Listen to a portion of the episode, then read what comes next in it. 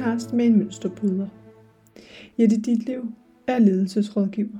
Hun brænder, er passioneret, bygger broer og eminent til at trække på alt det, hun har med i bagagen. Jette er en mønsterbryder, hvilket for mig betyder, at hun har trådt en alt andet end linær vej i sit liv. Hun har stået i en livskrise, er en menneskelig guldgruppe, er selvbevidst, har impact på andre mennesker. Need I say more? Jeg elsker nørdede mennesker og deres tilgang til livet. God fornøjelse med podcasten.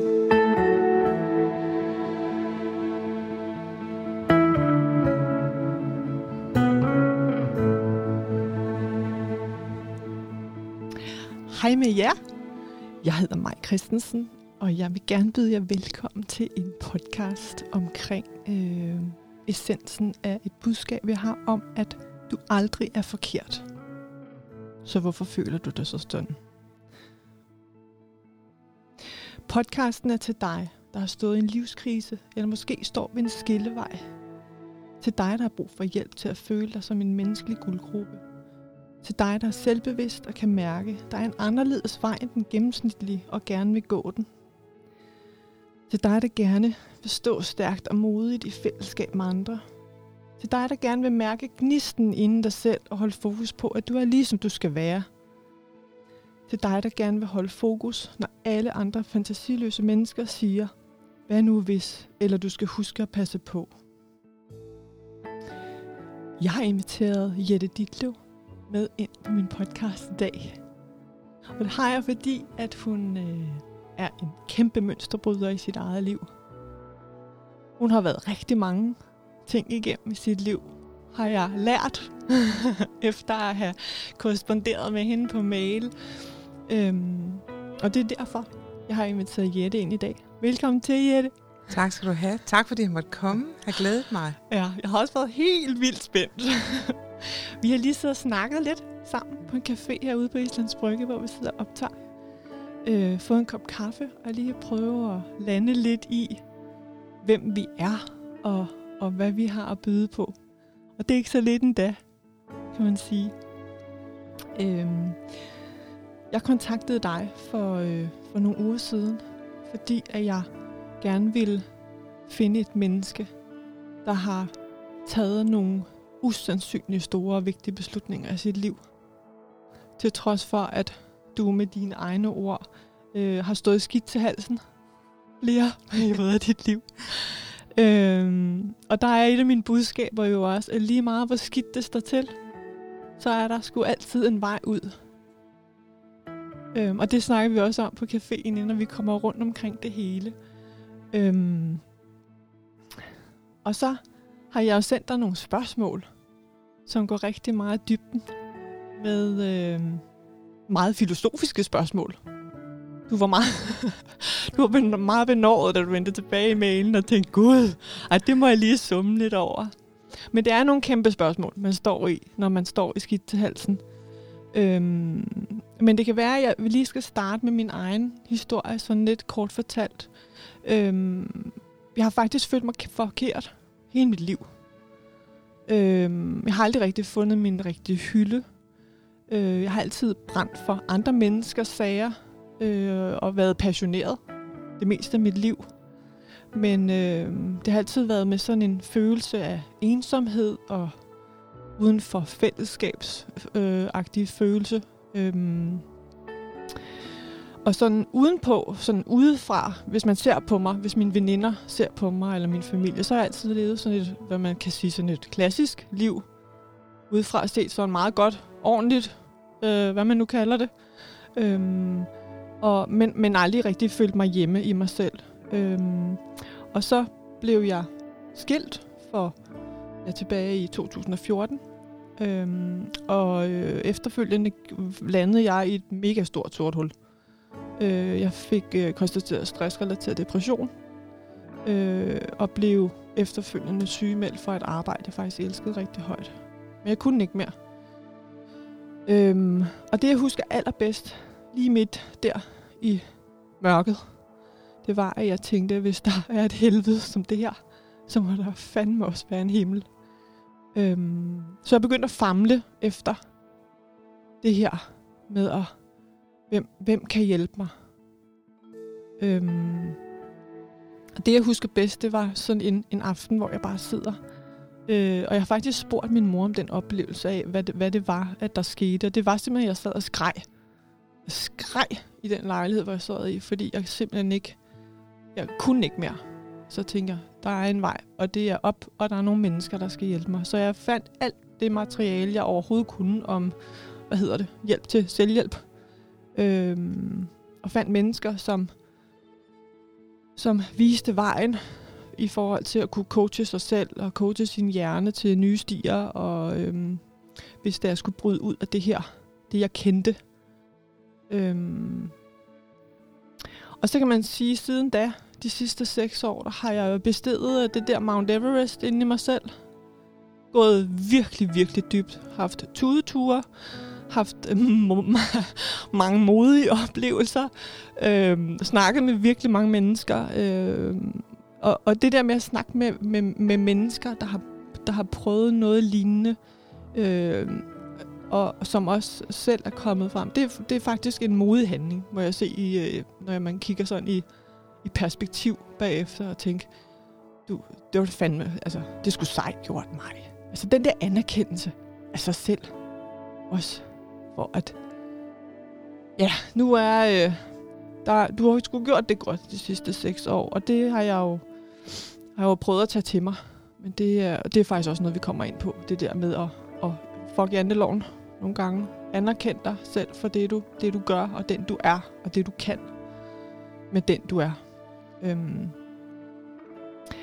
Øh, og det betyder så, at jeg sidder her i dag og har inviteret dig, fordi jeg tænkte, at nu skal vi simpelthen dykke ned i den jantelov og de overbevisninger, der ligger til grund for, at vi kommer videre i vores liv, i stedet for at stå fast, fordi andre tænker, pas nu på, eller hvad nu hvis, eller vi skal højne den stemning der. Så nu spørger jeg dig. Fortæl lidt om dig selv, Jette, og hvem du er og hvad du laver. Ja, hvad skal jeg sige? Altså, jeg, øh, jeg er 56. Jeg er vokset op i en klassisk øh, kernfamilie. Haft det super fint i min øh, familie. Vi flyttede en del, da jeg var barn. Jeg er gået den slagende landevej. Øh, Jeg har gået i skole, jeg har gået i gymnasiet, øh, jeg har gået på Handelshøjskolen, som det hed dengang i Aarhus. Jeg blev færdig som 23 år, jeg har været ude i det fredede erhvervsliv. Jeg fik øh, gode jobs, bedre jobs. Jeg var dygtig og var god til at præstere og levere. Og øh, jeg fik øh, mere i løn og større kontorer og så videre og så videre. Øh, og, og, og det var alt godt, og jeg elskede det. Men der var alligevel sådan et eller andet mangel, en savn på, en savn på en eller anden måde. Og så sker der det, at jeg løber ind i, øh, i Michael, som er helt anderledes, kommer fra en helt anden baggrund, end jeg selv gjorde, og havde haft et helt andet liv. Og det åbnede mine øjne ind i nogle andre verdener, og vi har så gennemlevet øh, ret mange store kriser øh, øh, af forskellige karakterer. Det kan være, vi kommer ind på det, det ved jeg ikke, men det, det satte i hvert fald en masse ting i gang hos mig, en masse overvejelser i gang hos mig også omkring, hvem jeg egentlig var, hvad jeg var gjort af, og, og, og hvad det havde betydning, og, og hvordan jeg kunne bruge det også fremadrettet. Og det betød så, at jeg i forhold til mit arbejdsliv tog en ret stor beslutning for 15 år siden. Det var, at jeg tænkte, jeg skal noget andet. Jeg er nødt til at definere det på en helt anden måde, så jeg får et bedre liv, som er mere øh, meningsskabende for mig selv. Så jeg gik selv, øh, og, og ideen var, at jeg ville øh, arbejde med det, som jeg synes, jeg var selv, som jeg selv synes, jeg var god til, og som øh, jeg holdt rigtig meget af. Og jeg vil ikke øh, bygge en virksomhed op. Jeg vil bygge øh, et arbejdsliv op omkring mig selv, som så godt nok er, er forankret i et CVR-nummer. Ikke? Men jeg laver rigtig mange forskellige ting nu.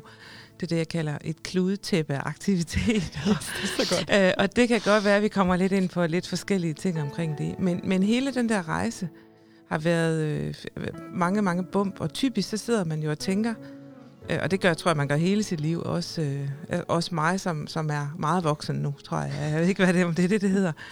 Der tror jeg, at man tænker, ah, men så kunne jeg godt tænke mig det, og så gør vi det. Og så er det nærmest ting som sådan en, en, en lineær vej.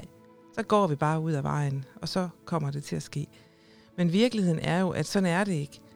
Altså virkeligheden er fyldt med øh, store rovdyr og sten og afgrunde og bjerge, og så snirkler vejen også lidt ind imellem, og vi falder og slår os og alt det der. Og når man står i det, og, og det der med at stå i skidt til halsen, som du også siger, det plejer, siger jeg jo, når man står i skidt til halsen, så er det eneste, man ikke skal, det er at bøje hovedet, ikke? Jo. Fordi så er man helt stensikker på at dø. Så er man nødt til at finde noget kraft. Og den kraft, den, den er man nødt til at tro på, at man i virkeligheden har. Og, og nogle gange, så tror man jo ikke selv på, at man har den, og så er det vi inde i det der med, hvordan finder man sig frem til den, og kan man selv, ikke?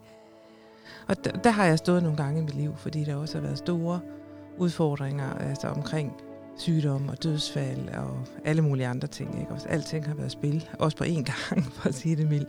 Og det sender jo en ud øh, på isflagen, altså øh, hvor man tænker, nu falder jeg af, eller det er for koldt, eller jeg drukner, eller hvad man nu gør. Ikke? Øh, og der, der må man jo, ja, man, man, man må mobilisere på en eller anden måde, og, og nogle gange så bliver man også nødt til at sige, jeg har brug for hjælp, selvom det kan være svært.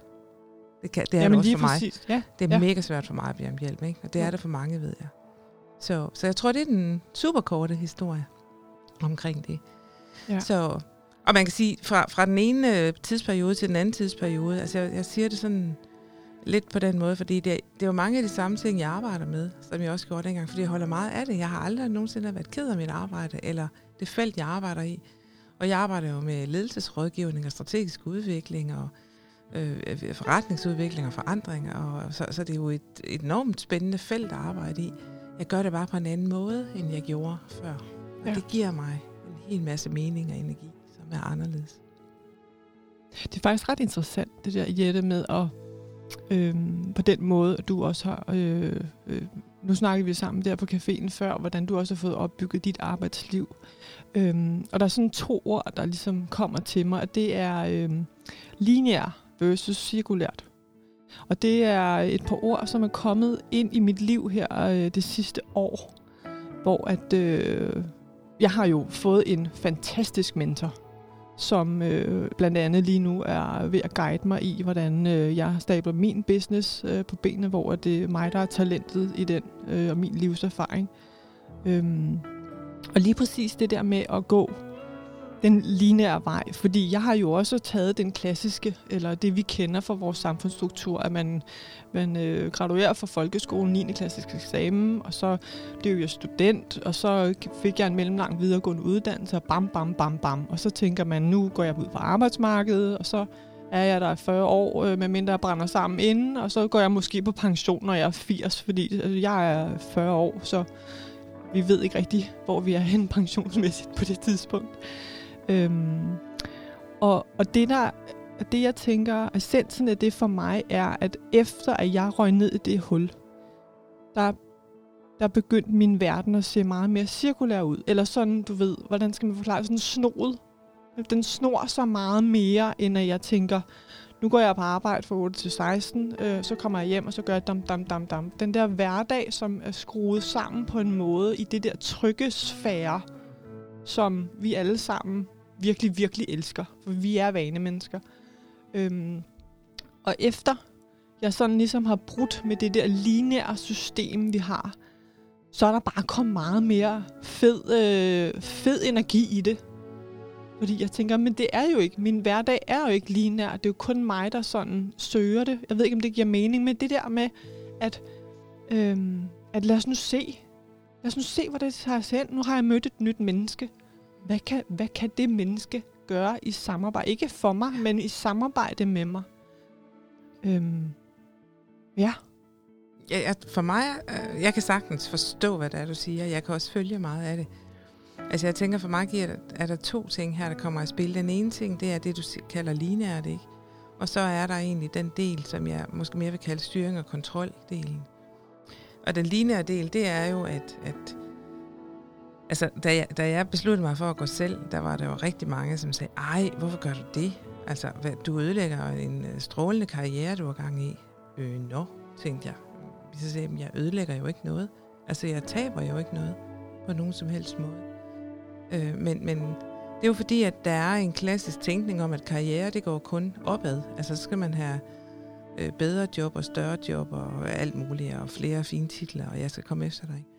Og hvor jeg siger, den, den tænkning, den, den er jo allerede på vej ud. Og det var den så for mig for 15 år siden, så på den måde der har jeg nok været lidt frontrunner i forhold til, at der er rigtig mange, der tænker sådan i dag. Men den anden del, som du også øh, øh, bringer i bane her, det er jo netop det der med styring og kontrol i forhold til, hvad kan jeg styre og kontrollere? Nogle gange bare læne sig tilbage og sige go with the flow, ikke? eller trykke på pytknappen, eller sige nå, øh, og sige, det går sgu nok. Selvfølgelig går det. Altså, det var ikke lige sikkert, at det går, som du måske havde planlagt. Men det er jo heller ikke sikkert, at det er den bedste vej. Så det kunne jo godt være, at der faktisk kom noget andet til dig. Hvis man nogle gange sagde, nu prøver jeg at give lidt slip i tingene. Og det der med at give slip, det er jo ekstremt svært, når man er vant til at styre og kontrollere. Fordi vi vil så gerne styre og kontrollere. Og det, det har jeg altid ville hele mit liv. Jeg har simpelthen været ekstremt styrende og kontrollerende. Fordi så havde jeg dog i det mindste styr på noget i mit liv, åbenbart. Ikke? Præstation og hvad det nu har været for nogle ting. Så jeg tror, den der kombination af at give slip, og så, og så komme ud af, at verden ikke altid er lineær. Altså den korteste vej mellem A og B, har vi jo lært, det er en lige linje. Ja. Det er ikke sikkert, det er den bedste vej. Nej.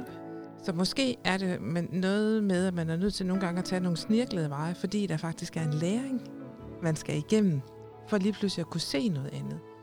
Det kan være, det er der, hvor man skal give slip, og så sige, go with the flow, lad os se, hvad der sker. Og det er jo et enormt svært felt at komme ud i, fordi det kan man ikke selv styre og kontrollere 100%. Så hvor meget er det lige, man tør at gå og sætte sig ud på ja. isflagen, så jeg tror jeg, jeg kaldte det ikke også tidligere, når vi talte sammen. Det er også en øvelsesting, øh, og det handler i bund og grund om at tro på, at man selv kan og er god nok. Ja. Og det, det tror jeg aldrig, man bliver færdig med. Det er en rejse, som fortsætter hele livet. Men man kan jo blive dygtigere til nogle ting, og når man så synes, man er komfortabel et sted, så kan man jo kaste ud i nogle nye rejser. Ja. Nu kommer jeg lige, jeg sidder lige og laver sådan en cliffhanger, fordi jeg kommer mm. til at, vi, øh, du skrev også til mig den mail, hvor vi korresponderede der, at du har også haft et sådan et meget særligt forhold til en mand, som faktisk har givet dig en helt, helt masse læring. Øhm, og så fortalte jeg dig jo om, hvordan jeg i mit liv har dybest set været afhængig af at være sammen med, med mænd eller med kærester for at fungere i mit liv, for at få anerkendelse. Øhm, og det var... Øhm, og, og essensen af det er, at da jeg øh, røg ned i den der depression, så fandt jeg faktisk ud af, at det eneste, jeg... jeg altså, jeg følte mig jo som øh, øh værdiløs, som nogen kunne være. Øh, og øh, følte mig som en dårlig mor, og øh, jeg, der var jo ikke noget som helst, jeg kunne bidrage med. Men jeg kunne sgu godt mestre mig op til at gå på date.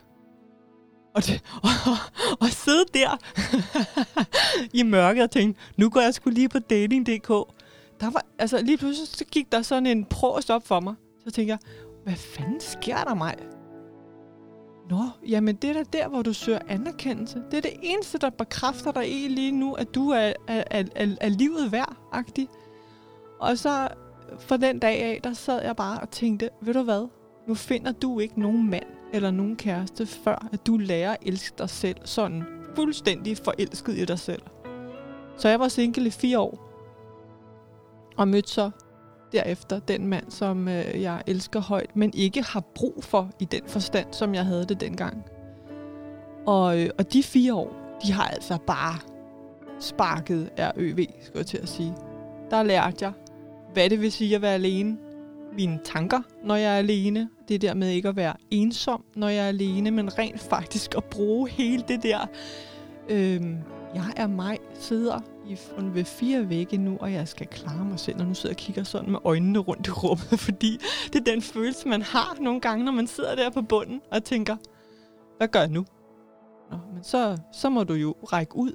Øhm, men det er måske også den der beslutning, jeg tog dengang om, at nu skal det være anderledes. Jeg vil simpelthen lære mig selv at kende, og jeg vil kunne klare mig selv. Øhm, det, det er der ja. ingen tvivl om, at det er rigtigt. Og jeg tænker også, vi har jo hver vores stof, altså vores drug, ikke? Og, og, og, og dit drug var måske øh, at søge anerkendelsen og bekræftelsen via mænd, ikke? Altså mit drug, det var at søge anerkendelsen og bekræftelsen via, at jeg var skidedygtig til mit arbejde. Jeg kunne præstere. Jeg kunne præstere, det har jeg gjort hele mit liv. Jeg var dygtig i skolen. Det var jeg hele vejen igennem. Og det var som ikke, fordi der sådan var konkurrence i det. Jeg var bare dygtig, og, og jeg kunne godt lide det. Øh, og sådan var det også på arbejdsmarkedet. Jeg var dygtig, øh, og jeg leverede og præsterede. Og så fik jeg jo min øh, anerkendelse der, så blev jeg klappet øh, på hovedet og på skuldrene, og så var jeg dygtig pige, ja. altså. Øhm, så, så jeg tænker, og, og, og, og altså jeg har ikke haft, øh, øh, som du siger, jeg har ikke, mit stof har ikke været mænd på den måde. Men ja. til gengæld har det været sådan for mig, at jeg, jeg havde ikke mega mange mænd i mit liv, for at sige det, men jeg synes faktisk rigtig mange af dem var enormt irriterende og som lidt blålysagtige. Og jeg kunne ikke helt se, der var noget substans, tror jeg. Altså det, det blev for overfladisk på en eller anden måde. Det var noget andet, jeg havde behov for. Og det var noget af det, som, som, øh, som Michael repræsenterede. Øh, når jeg siger, nu kan jeg så åbne lidt op for, for øh, den her pose af, hvad det var. Altså Michael kom, øh, og du siger, jeg kom, omtaler ham i datid, fordi han døde for en del år siden efterhånden. Ja. Men, øh, men han, øh, han havde haft en baggrund, hvor han havde været øh, øh, stærkt øh, afhængig af både alkohol og stoffer.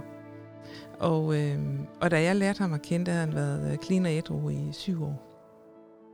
Og det gjorde, at han øh, via den rejse, han havde været på for at komme altså, igennem det og komme ud på den anden side, det gjorde, at han lige pludselig repræsenterede en dybde og en substans, som jeg tænkte, det der, det er virkelig fascinerende. Altså, han kunne noget. Og han kunne en ting, som var både skræmmende og fascinerende for mig, det var, at han kunne se direkte igennem. Han kunne se igennem alt det der facade, som jeg byggede op, eller havde bygget op. Øh, og, og vi kunne føre nogle intelligente samtaler om nogle vigtige ting. Altså lidt af det, vi sidder og fører nu her, intelligent samtale. Øh, og interessant samtale om, hvad livet egentlig er, hvorfor vi er her, hvad vi vil, og hvem vi er, osv. Og det gjorde selvfølgelig, at jeg lige pludselig fik nogle, en helt anden facet i mit liv. Øh, og så sker der en hel masse ting i vores øh, samliv, og hvad ved jeg også, og som der jo altid sker på mange måder, men, men det gjorde, at der var en, en ladeport, som åbnede sig for mig øh, ind i en anden verden, øh, og som jeg lige pludselig kunne øh, kombinere på en anden måde. Og jeg kunne se, der er faktisk noget her. Det er ikke kun mig, der er mærkeligt. Det er ikke kun mig, der føler mig forkert og ved siden af. Øh, og den fornemmelse, som du også har beskrevet for mig, den der med, at man kan godt være sammen med mange mennesker, og alligevel føle sig forkert og alene, eller ensom måske i et rum. Den, den fornemmelse har jeg haft rigtig mange gange i mit liv, hvor jeg tænkte, jeg er helt forkert her. Altså, jeg, jeg føler mig ikke godt tilpas. Og jeg, og jeg har aldrig haft en ensomhed som sådan. Jeg har et stort socialt liv og mange venner. Jeg har gode venner også. Øh, men, men der kan sagtens være mange sammenhænge, hvor jeg tænker, jeg er fejlplaceret. Jeg føler mig fuldstændig fejlkastet. Og det, det gik op for mig der, at det handler om nogle helt andre ting, for det handler ikke om mig. Og det, hele tiden havde jeg jo sat øh, den der projektør tilbage på mig selv, og sagde, det handler bare om, at det er sådan, det er for alle, men, for alle mennesker. På forskellige tidspunkter, så har vi det alle sammen sådan, det er okay. Det er okay at have det ja. sådan. Nå, hold op, det var da en interessant ja, oplevelse ja, at finde ud af det. Ja. Så kan vi starte den derfra. Og det har så gjort også, at jeg har, jeg har gået ind i et felt, og det har jeg så gjort de sidste 16-18 år i et felt af, ja, i hvert fald 20 år er det nok efterhånden. Et felt, som handler om at finde ud af, hvem er det egentlig, jeg er, hvad står jeg for, og, og, og så videre. Og det har så været et felt af, af, øh, af opdagelser i forhold til øh, både mig selv, og også i forhold til, hvad skal man sige, filosofisk tænkning osv. Jeg er jo en kirkegård-freak, ud over alle øh, grænser for eksempel, ikke? Har brugt de sidste, jeg tror, 10 år af mit liv, ikke, på at og arbejder også lidt med kirkegård. Jeg bruger det også i mit arbejde, fordi det er ret vigtigt i forhold til at være en god leder, eksempelvis, mm. øh, og have et godt lederskab. Så det er både det der med det personlige lederskab, i forhold til, hvem du selv er, men hvad er det så også, du bruger det til i dit arbejdsliv, for eksempel, ikke? Mm. Og, og jeg er ikke, altså, jeg har stadigvæk tidspunkter også, hvor jeg kan føle mig forkert. Men jeg har det også sådan, at jeg tænker, Nå, men så er det så sådan, det er lige nu. Altså, der er jeg kommet enormt langt, tænker jeg. Ikke? Og det, som du også nævnte før, hvor du siger, at du sad alene derhjemme, og tænkte, altså jeg elsker at være sammen med mig selv. Altså jeg kan så godt lide at være sammen med mig selv. Og jeg har den her fornemmelse, når jeg, jeg ved ikke om der, jeg tror der er andre, der kan genkende det, når jeg kommer hjem, og jeg sådan sætter nøglen i hoveddøren og kommer ind i mit hus, så tænker jeg, ej, det er fedt at være her. Ej, det er det ikke? Og jeg kan hygge mig helt vildt, ikke? Og når folk spørger, hvad laver du? Ja, det ved jeg ikke. Jeg går nu så lidt måske, eller jeg ved ja. ikke. Øh, læser vis, fjernsyn øh, gør man jo også, altså bare for at hænge ud. Ikke? Laver alle mulige andre mærkelige små ting. Læser og hører podcasts eller lydbøger, eller øh, hvad ved jeg. Men bare den der med at være sammen med sig selv, det har, det har lært mig, at det giver en masse... Altså det fodrer mig selv på en måde, så jeg har lettere ved at være sammen med mig selv nogle gange. Det kan godt være, det lyder lidt knudret, men, men jeg har faktisk brug for den der ro til at bare være sammen med mig selv og lave ingenting, bare sådan gå småfilosofere, eller lige sådan vende nogle ting. Øh. Og jeg kan også mærke, når jeg har travlt rent arbejdsmæssigt, hvad jeg også har indimellem, fordi jeg er også sådan en, som jeg kan ikke lade være. Altså, og, og, det, og det er jo sådan noget, jeg går og arbejder med, og det gør jeg løbende. Ikke? Øh, så kan jeg jo godt nogle gange mærke, at når jeg så begynder at få det her, så kommer jeg lidt ud af det felt, og det er ikke særlig sundt for mig. Så, så derfor så begynder jeg sådan at navigere, øh, og jeg begynder også at lave sådan korrigerende handlinger, tror jeg, jeg vil sige. Så sige, jamen jeg er nødt til at finde en vej, hvor jeg så begynder, jeg begynder at sige nej til nogle ting. Og det med at sige nej, det handler også om øh, at være ærlig omkring det, så at sige, jeg magter simpelthen ikke det her nu. Altså jeg vil mega gerne være sammen med dig, men jeg er simpelthen nødt til lige at være sammen med mig selv lidt, fordi ellers så kan jeg ikke holde til det. Mm. Og det har lært mig, at, at, øh, at jeg tager mig selv langt, langt mere alvorligt, end jeg ellers gjorde før, og det er ikke godt for mig. Og så er det jo også godt for andre at være sammen med mig, så. selvom jeg også kan være mega irriterende at være sammen med, det er overhovedet ikke tvivl tror jeg, vi alle sammen kan. Ja, Virkelig og, og det er også okay så. Ja, ikke? Altså, men, men det der med også at være... Øh, jeg, tror, jeg, jeg, jeg, jeg tror, jeg har brugt ordet nogle gange tidligere, det der med at være overbærende over for mig selv. Og have tålmodighed med mig selv. Det, det er i hvert fald en rejse, som jeg arbejder enormt fordi det er jeg virkelig ikke særlig god til. Men det er, når, når jeg, fordi vi laver fejl, og der sker fejl, og vi kommer til at sige noget forkert eller dumt, eller hvad det nu kan være, eller kommer til at såre nogle mennesker nogle gange, uden at vi vil det. Og det er okay. At jeg er nødt til at sige, "Nå, men så var det sådan, det var, og så måske også sige, det er jeg sgu egentlig ked af. Det, jeg mente det faktisk ikke på den måde. Øh, det, det, jeg blev lige, Det gode altså, i undskyld. lige præcis. Tilgiv ikke? mig for det, jeg gjorde. Men, men nogle gange, så kan det kan jo være mega svært. Ja. Det er rigtig svært Præcis. at, at, at gøre det, ikke? Og jeg får det da heller ikke gjort hver gang. Slet ikke, desværre. Og, og, og så kommer man lidt videre, og så tænker man, nu er det sgu da også malplaceret at begynde at snakke om det, der skete for et par måneder siden. Eller. Lad os lade nu bare komme videre. Ikke? Altså, og jeg kan jo også godt selv være overbærende over for andre, ikke også? Men, Men det er sjovt, at vi så har så svært ved at ja. være overbærende over for den, det menneske, der egentlig burde betyde Mm. allermest for os, og det er os selv, ikke? Ja. Men, Men- den der, jeg vil lige prø- prøve at samle op på den Mhm. der med at, det der med at få, få, det, få det gode ud, eller få det, få det gode ud af det, det, det såkaldte mørke tidspunkt, som jeg tror mange, mange mennesker ser det som det der med at være alene, fordi vi jo i, øh, i, i det bogstaveligste forstand er flokdyr, så vi har det godt. Eller de, mange mennesker har det godt, men mange mennesker. Men der skal jo også være den der balance, som jeg ser, hvor at øh, du siger også selv, at jeg, øh, det der med at sætte nøglen i døren derhjemme og gå hjem og finde den der, ej, det her, det er mit. Det her, jeg kan være alene. Det her, hvor jeg kan summe over, hvad der er vigtigst for mig.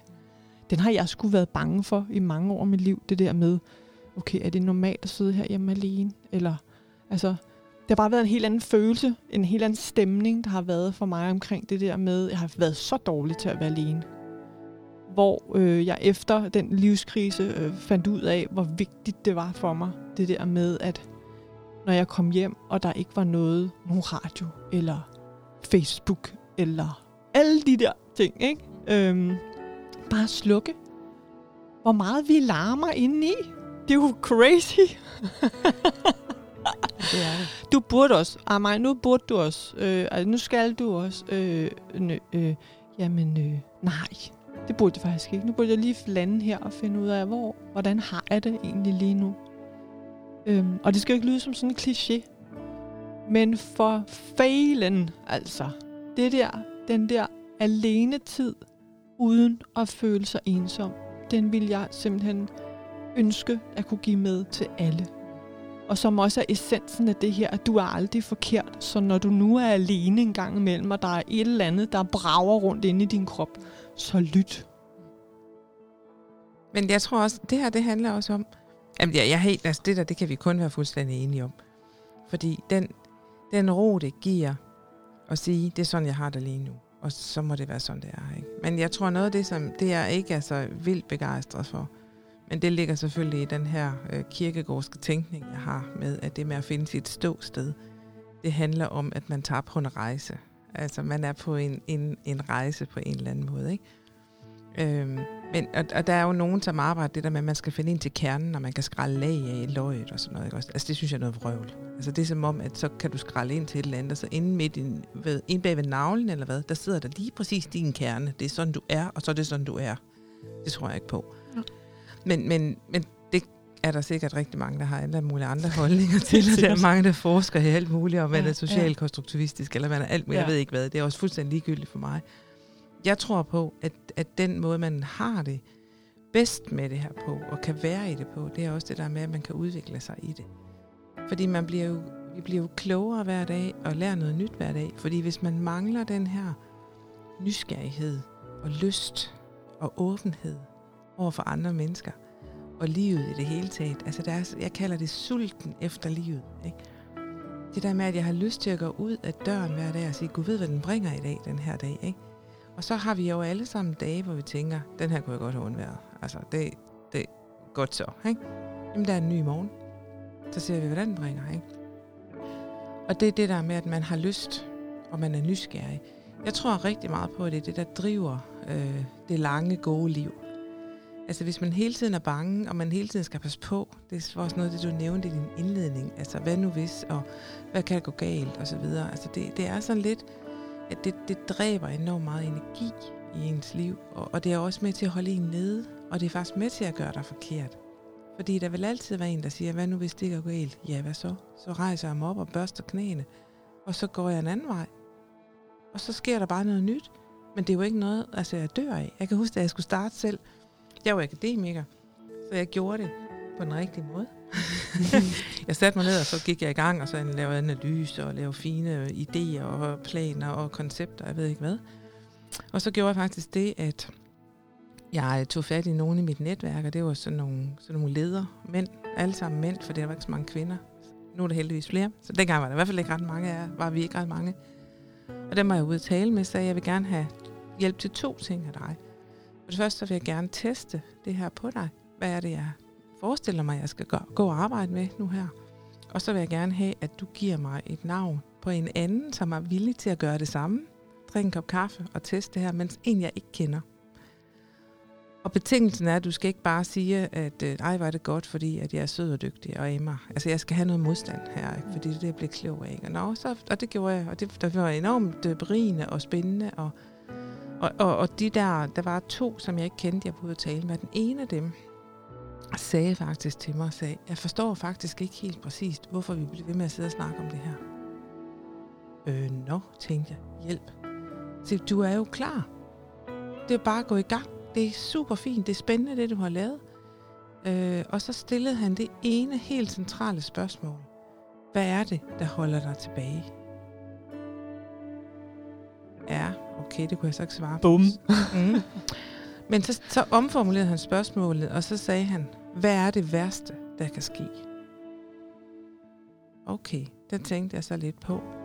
Og så måtte jeg sige, jamen, det er vel, at det ikke går. Øh, ja, sagde han. Og hvis ikke det går med den her virksomhed, så prøv at høre, du er ikke død af det. Du er ikke blevet syg af det. Så må du bare øh, sige, du er, det lykkes ikke af forskellige årsager. Så må du børste den der lidt sårede stolthed øh, af dig. Og så må du ud, og så må du have et job igen, hvis det er det, du skal. Og så kan du komme ud til en ny arbejdsgiver og sige, prøv at jeg prøvede det her, det lykkedes ikke helt, men nu skal du bare høre, hvor mange spændende ting, jeg har lært. Og lige pludselig, så gik det op for mig, at den der sidste røde lampe, jeg havde oppe på væggen, den var jeg nødt til at skyde ned. Fordi han er jo fuldstændig ret. Jeg døde jo ikke af, hvis ikke det gik. Jeg blev heller ikke syg af det, hvis ikke det gik. Men såret stolthed, at det er der ingen tvivl om, jeg ville have haft. Ikke? Ja. Men den kan man jo æde i sig. Mm. Sådan vil jeg næsten sige. Jeg lærer at arbejde med, ikke også? Hvis man Ja. fik den vendt rigtigt. Det var så godt for mig at høre lige præcis den. Og så tænkte jeg, nu gør jeg det fandme. Da jeg kørte hjem derfra, så tænkte jeg, kan du så komme i gang? Så dagen efter gik jeg bare i gang. Og så kørte det. Og, og der tror jeg, det er netop også det der med, og det var også det, som du selv adresserede, det der med at bede om hjælp. Ikke? Altså, jeg tænkte jo egentlig ikke på, at det var hjælp, jeg bad om på den måde, for det var ikke hjælp på den måde, jeg bad om. Jeg bad om sparring til noget, der var sådan forretningsmæssigt. Ikke? Men, men essensen af det var jo, at det handlede jo bare om, at jeg skulle ture og gøre noget, som var uvandt for mig. Jeg skulle ud på isflagen, jeg skulle gøre noget nyt. Og sige, bare komme afsted. Der sker jo ikke noget ved det. Nej. Ja, godt. Jamen, så lad os da komme i gang. Ikke? Det er så 15 år siden nu. Jo, og for fanden da. Og det er jo det, jeg mener med, at vi har også snakket om tidligere, det der med, at, og, hvornår er vi modige? Og mm. ser vi os selv som modige? Mm. Fordi jeg har da helt klart set mig selv i et voldsomt mærkeligt forkert lys i, i flere år. Øhm, og, og, og det, der slog mig mest med den med fantastiske mentor, jeg har lige nu, det er, at hun bad mig om for øh, nogle måneder siden at øh, kontakte de nærmeste 30, jeg havde i mit nærmiljø, øh, og høre deres øh, spejlinger på mig. Hvad er det for nogle ord, de har? Og jeg var blown away. Tænkte, er det sådan, du ser mig? Og der kom altså virkelig, virkelig mange ord ind, hvor jeg sådan tænkte, jamen, det er jo, det er jo helt vildt fantastisk.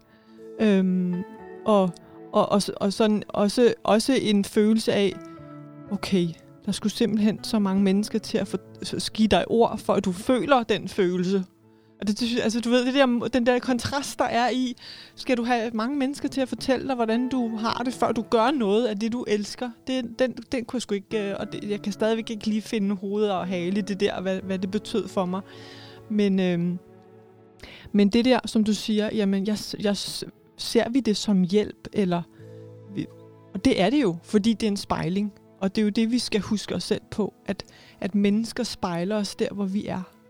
Og hvis du er modig nok til at gå ud på den isflade og så sige, gider du godt lige, øh, altså om det er feedback, fordi det er jo også spejling, ikke? men giv mig den feedback på det her, hvad tænker du? Øhm, så har vi allerede bare nået et kæmpe stykke. Men det er rigtigt, men der, der for mig at se i hvert fald, er der enormt stor forskel på, at jeg kommer ud og beder om hjælp, øh, eller beder om, at nogen kommer med deres holdninger og input til mig. For eksempel på en, på en forretningsmæssig idé. Og det var jo det her, det var. Ikke? Ja. Fordi det, det kan jeg trods alt holde uden for min krop, vil jeg sige. Altså uden for mig selv som person. Så snart det begynder at handle om mig som person, og man går ind i og siger, hvem er du, og hvad er jeg gjort af, og så videre, så er det, det begynder at blive, så kommer det meget tæt på. Ikke? Det kommer tæt på på en anden måde. Ikke? Og det har også, for mig har det også været en rejse de sidste 15 år. Det der med, at jeg har været vant til, øh, jamen så, jeg, jeg, jeg kommer ud af, af salg og, og marketing og strategi og ledelse osv., så, videre, så jeg har været vant til det der med kunder og argumenter over for kunder så Jeg kunne sælge alle mulige produkter, ikke? Men jeg kunne ligesom gemme mig bag det fysiske produkt. Øh, nu skulle jeg ud og sælge mig, og mig og min, og alt det, jeg var god til. Og det, det var faktisk, det var vildt grænseoverskridende. Jeg skulle gå ud og sige, jeg er skidegod, jeg kan løse det her for dig i din virksomhed. Hold da op, ikke? Så, så den der øh, vej ind i at også begynde at tale om sig selv, øh, som, altså, sige det højt, at jeg faktisk var dygtig til noget, det, det, det var også ret vildt, ikke? øhm, og, og den rejse, det også gør med, hvad det gør ved en selv, at man til sidst også, altså jeg har, nu har jeg bare vendet mig til det, altså, og jeg siger bare, jeg er faktisk skidegod til det her, ikke? så du kan bare komme ind. Ikke? Jo. Og, og jeg ved da godt, at nogle gange, så, så siger jeg det også med sådan en humoristisk distance, øh, fordi så heller, det er heller ikke altid, man har lyst til at gå mega meget ind i det. Ikke? Ja. Men, men det er jo også en stor rejse at komme til, at, det, at det, det er mig, der er mit produkt. Altså mig som person, der er mit produkt. Ikke? Og det, jeg kan, og det, jeg står for, er ikke kun alt det, der er faglige, jeg kan, men også mig som menneske.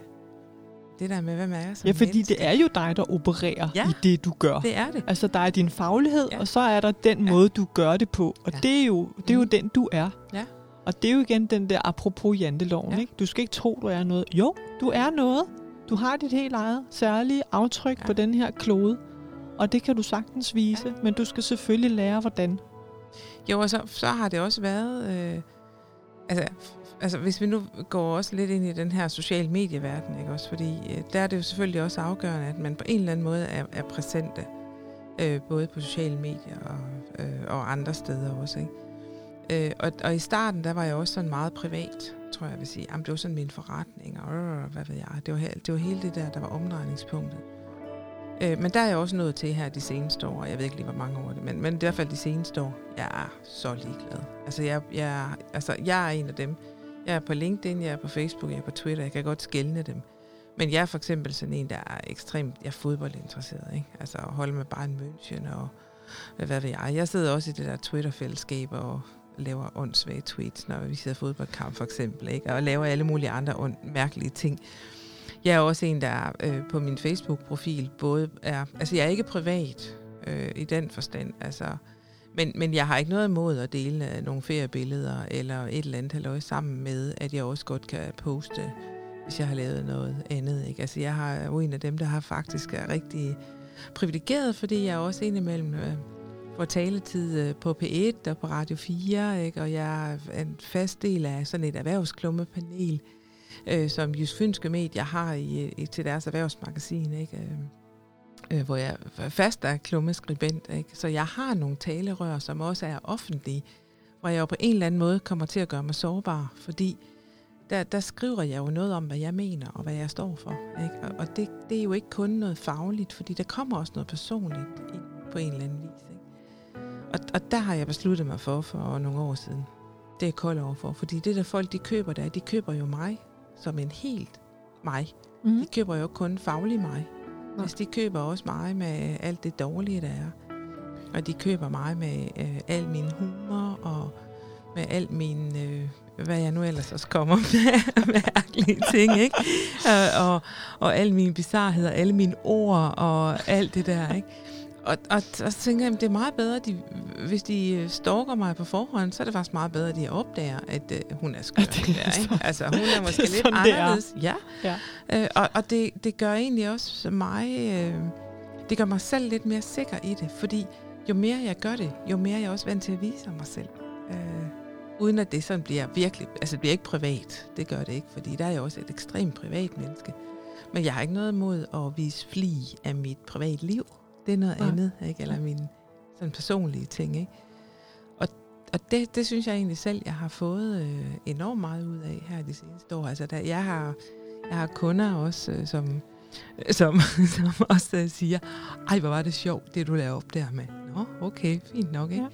Og, og ja. det synes jeg egentlig, det bekræfter jo, at det giver faktisk et andet billede af, hvad det er, man er for en, en størrelse som menneske også. Ikke? Ja. Så, så jeg tror, det er også noget med bare at gøre det nogle gange. Ikke? Mod. Jo, jo. Jo, og så ja. vokser man. Så vokser man jo, jo ja. mere man øver sig. Fordi ja. det, det kan ikke blive andet end uh, med svidende armhuler. Ligesom at gå ind til en podcast, man ikke har prøvet før, og så ja. tænke, det her, hvad er det, det bliver til? Øhm, og det er jo... Og så er det jo også med bankende hjerte, og man tænker, åh nej, men det vigtigste er, mm. at at det der med at komme ud på den der isflage og mærke sommerfuglene og mm. mærke spændingen, som jeg ikke har haft i mange år, tænker jeg. Ikke? Det er det der med mig. Hun er, om ikke om man kalder det kernen eller ej, så er jeg begyndt at tro på, hvem jeg er. Og begynder at dele med andre mennesker, hvad jeg tror på. Øh, øh, så jeg tænker, ja, øh, der er en stor pointe der i ikke at føle sig forkert men tage alt med det. Og humor er der bare noget af det allervigtigste mm. mennesker imellem. Det er icebreakeren, mm. det er... Og det er jo en måde at tage sig selv, hvad kan man kalde det, alvorligt på i et humorist, sådan et uhøjtidligt alvorligt, ikke? At jeg ved, hvem jeg er. Øh, men det kan vi godt joke lidt med mm. også. Ja, jeg tror, at altså, humor øh, har jo mange, øh, sådan som jeg ser det i hvert fald, har humor jo flere øh, vinkler på. Så den ene vinkel, det er den, som du bringer op nu, og som jo er skønt, hvor man kan mega grine sammen og sådan noget. Det er virkelig herligt, ikke? At have det sjovt. Øh. Men humor har det jo også med, at den godt kan øh, tage afstand. Altså det kan også være et... Øh, det kan også være en måde at tage afstand fra tingene på, så du ikke behøver, det kan, det kan, du kan sætte det op som sådan et tæppe foran dig selv. Ikke? Og, og der, der tror jeg, man skal passe enormt meget på, at man ikke altid er der. Det, det felt er jeg også i nogle gange. Øh, og hvor jeg også nogle gange tænker, at nu kan det godt være, at vi lige skal skrue lidt ned for den. og om ikke andet, så for min egen skyld i hvert fald ja, også. Men, ja. men du har da fuldstændig ret, at det, humor er jo fantastisk. Ikke? Og det er også det afvæbnende på en eller anden måde. Ja. Så, og jeg synes faktisk, at, at det er noget af det, som... Altså, når man sådan kigger lidt i et metaperspektiv, så er det måske noget af det, der er lidt en mangelvare i de her år, fordi vi har... Og det, det er en helt anden diskussion, men, men, men vi er måske blevet sådan lige lidt for... Øh, øh, hvad skal man sige, vi er meget overfølsomme, ikke? Altså uden at vi skal bringe krænkelsesdebat eller sexisme eller noget ind, for det er slet ikke den vej, jeg tænker det, men, men, men vi er bare blevet rigtig, rigtig påpasselige med, hvordan vi bruger humor, og det er farligt at bruge den, øh, fordi så er der altid en eller anden, som synes, at det ikke er okay. Og der tænker jeg rigtig meget på, øh, at, at, øh, at John Cleese har sagt, at hvis Monty Python i dag skulle have lavet Life of Brian, det havde de simpelthen ikke fået lov. Nej. Og det synes jeg siger rigtig meget om, hvor det er, vi er landet henne. Øhm, og og det, det synes jeg er et faresignal, fordi det er faktisk et faresignal for, at vi også skal finde ind til, hvem vi selv er. Ja. Og det huer mig ikke, for nu at bruge sådan et øh, mit mormor udtryk. Ikke? Ja. Det, det synes jeg faktisk, vi bør tage fat i, fordi det er, det, det er måske noget af det, der gør, at vi også har sådan et samfund, hvor vi bliver sgu syge. Ikke? Vi bliver syge og stressede og presset og hvad ved jeg. Det er fordi, at det hele skal være så perfekt. Ikke? Ja, og vi kan ikke få lov at være nogle gange i det der afvæbnende felt. Nej. Og det, det tænker jeg, der, der skal vi måske lige mobilisere en lille bitte smule mere overbærenhed. Ja. Og også nogle gange altså, trykke på pytknappen. Ja. Og vi ikke hver eneste gang øh, råber, nu er jeg blevet krænket over et eller andet. Altså, jeg var faktisk så krænket for et par år siden. Det var mega sjovt, synes jeg selv. Jeg kom til at lave et tweet, der var sådan hed, jeg er mega krænket i dag over, at jeg ikke kan finde noget, jeg er krænket over. Ikke? Altså, og, og jeg tror, man skal passe... Altså, Det er god det- humor. Ja, ikke? Altså, selvfølgelig. Det, det var også det, der var ideen. Men, men, men jeg, er- jeg er bekymret i den sammenhæng, Ja, netop ja. fordi humor har en vigtig funktion i forhold til det der med at finde sig selv. Ikke? Jo. Ej, det kom lidt. Det var lige en anden Nej, men det, kom ud jamen, på. det er jo rigtigt, men det er jo også, altså man kan sige, inden man kommer ud i sådan en debat, så, så snakkede vi også om på den café, vi så sad for, på, at hvis, altså det der med at finde nogle ord, der kan erstatte nogle ord i dag, som jeg tænker altid, har du, altså, har du respekt over for andre mennesker? Sådan en dejlig kerneværdi, som jeg da også øh, tager videre til mine børn derhjemme. Det handler ikke om at krænke. Det handler ikke om, øh, om alle de der ord, usagte eller sagte øh, gennem. Det handler om, at du viser respekt for det menneske, du står overfor. Den livshistorie, du står overfor. Fordi du står over for en livshistorie. Øhm, og måske er det også i takt med, at vi har fået så travlt. Så der er aldrig nogen, der har tid til at stille sig op og spørge, hvad er du optaget af? Øh, det bliver sådan noget, hvordan ser du ud i dag? Du ser sgu lidt træt ud i dag. Er det, res- er det en respektfuld kommentar? Det, altså, du ved, Instagram, Ja. der er på spil der, eller hvad? jamen, du ved, sådan hele vejen rundt, hvor jeg tænker, jamen, det er da først begyndt at lære inden for de sidste 6-7 år at, at møde mennesker lige hvor de er. Og også i takt med, at jeg selv er begyndt at arbejde rigtig meget med mennesker i min business, hvor jeg pr- prøver at løfte dem til at, at, at, at, at kende sig selv øh, og være modige på isflagen der, så er det bare kerneordet, det er respekt og meget tydelighed over for dine egne værdier, og respekt over for dine egne værdier. Det der ord respekt, det kommer meget tit op i mig, når jeg snakker om respekten for vores børns mm. behov, og respekten Mm. for lærernes behov. Og der er bare virkelig stor mangel på respekt for at være, Jeg, være jeg tror, det er rigtigt. Altså, vi talte også lidt om, hvad det er for nogle ord, vi egentlig skal bruge, ikke? Fordi at jeg også kommet til, at, og, og, og, da vi talte sammen, eller kom til, altså hvad siger det der med at være ordentlig, ikke også? At være ordentlig, det handler jo netop om, det skal oversættes til noget. Jamen, hvad ligger der i at være ordentlig? Ikke? Og så også det der med, hvad ligger der i at have respekt for andre mennesker, ikke? Og hvis vi nu skal tage en af de der diskussioner, som vi har haft igennem de seneste år, øh, og som lige har været aktuelle igen i forbindelse med Mohammed-tegningerne, ikke? Hvor, hvor der har været jo meget, øh, hvad skal jeg sige, hotte diskussioner om, om det er okay eller ikke okay at lave de Ja, altså at ja. offentliggøre de der Mohammed-tegninger, ikke? Øh, og hvor, hvor jeg er ikke engang selv sikker på, hvad jeg selv synes omkring det, og, og jeg har det egentlig rigtig fint med, at det har jeg ikke taget stilling til, men jeg kan godt se perspektiverne i det fra begge synspunkter, ikke? Og hvor synspunktet, der siger nej, jo også siger, jamen, det her, det er jo ikke, altså det kan godt være bare være sådan en magtdemonstration i forhold til ytringsfrihed, og sige, ja, det er rigtigt, men ytringsfrihed giver dig jo også friheden til ikke at ytre dig. Lige præcis. Fordi det kan være, det er respektfuldt over for et andet menneske. Ikke også? Øhm, så så der, er, der, der er mange facetter i, i den der måde, man kan se verden på. Ikke? Og, og, igen, jeg har ikke helt taget stilling til, om jeg synes, det er okay eller ikke okay. Altså, fordi jeg, jeg tænker, det er også et felt, som jeg ikke ved nok om, måske. Ikke? Og så jo, konstaterer jo. jeg bare, det var interessant. Det er et interessant fænomen, og det er også interessant, hvad det er, der kan sætte brand i verden nogle gange. Ikke? Jo. Øh, lige så vel som jeg kan sidde nu og observere, hvad der, er, der i øvrigt foregår rundt omkring i verden, ikke? og tænke, det var lige godt utroligt. Og Ja, kom det dog ja. fra, ikke? Og det er måske den der med respekt. Øh, og, og den, den måde, hvor vi faktisk er nogle dannede mennesker, tror jeg også, jeg vil kalde det. Ikke? At vi faktisk øh, øh, kan tage hinanden alvorligt. Og som du siger, hvad er det egentlig for et menneske, jeg står overfor? At jeg som udgangspunkt tænker, du er okay, mm. og jeg er okay. Og det, vi kommer af noget forskelligt. Vi har hver vores mening, holdning, baggrund. Det er okay. Mm. Jeg kan lytte til, hvad du siger. Det kan godt være, at vi er uenige, men så kan vi vel bare blive enige om, at vi ikke er enige. Ja, præcis. Og, og få så, måske et nyt perspektiv på verden lige uh, ja. i det, i det ja. møde der. Ja. ja. Og faktisk så er det, det er jo meget interessant, fordi det har været sådan en hån nogle gange her i Danmark, ikke? Hvor man også har sagt det der med, at man har en, man har en holdning til, man, uh, til man tager en ny. Eller hvad jeg kan huske, hvordan det der citat er, som tror, det passer meget godt. Ja, det vidste jeg omkring, ikke? Og hvor, vores, øh, øh, hvor, hvor Jens Otto Krav, statsminister, jo netop lige præcis, øh, altså for hvad, 50 år siden snart blev udskilt for det, ikke? Og det har jo stadigvæk været sådan et eller andet med, at eller man har et standpunkt til, man tager et nyt. Det er vist jo, det er det bare, ja. ja. øh, og jeg ved ikke engang, om det er Jens Otto Krav, men det er i hvert fald ham, der har været brugt øh, nogle gange her. Ikke? Men det har jo været sådan lidt interessant, ikke? Fordi når så vi har set det for eksempel i det politiske perspektiv eller andre steder, så, så er folk jo blevet hånet for at have skiftet mening. Og jeg tænker, det er da også interessant, fordi det kunne faktisk godt være det, fordi de havde lært noget. Eller ja. fordi de var blevet ja. klogere på noget. Og man så siger, det er jeg faktisk blevet klogere på. Jeg tror egentlig ikke, det er sådan, som jeg troede, det var. Tænkte, så det skal man da ikke hånes for. Nej.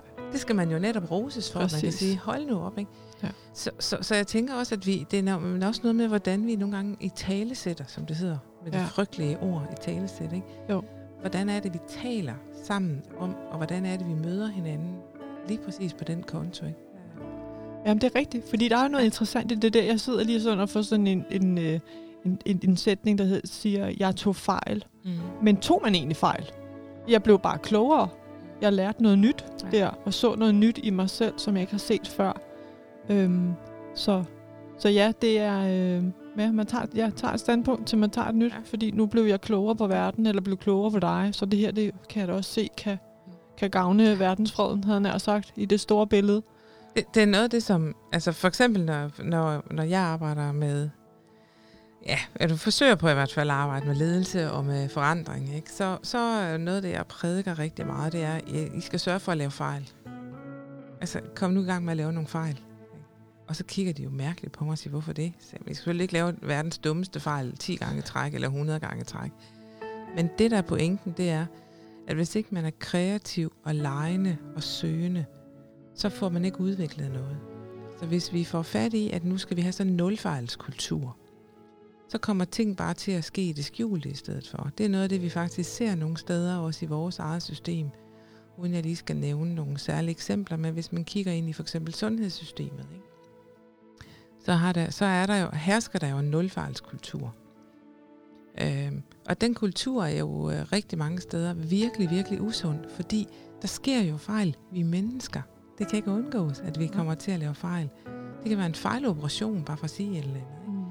Jamen, i stedet for at skjule den, fordi så er der en eller anden mærkelig KPI, som man ikke kan leve op til, eller hvad det nu måtte være, så kunne det jo godt være, at man bare åbent skulle sige, det var ikke særlig godt. Det havde faktisk en konsekvens. Den her patient øh, øh, øh, får ikke nogen langtidsvirkning af det, men vi siger, at det var det, der skete, og så er den det. Ikke? Mm.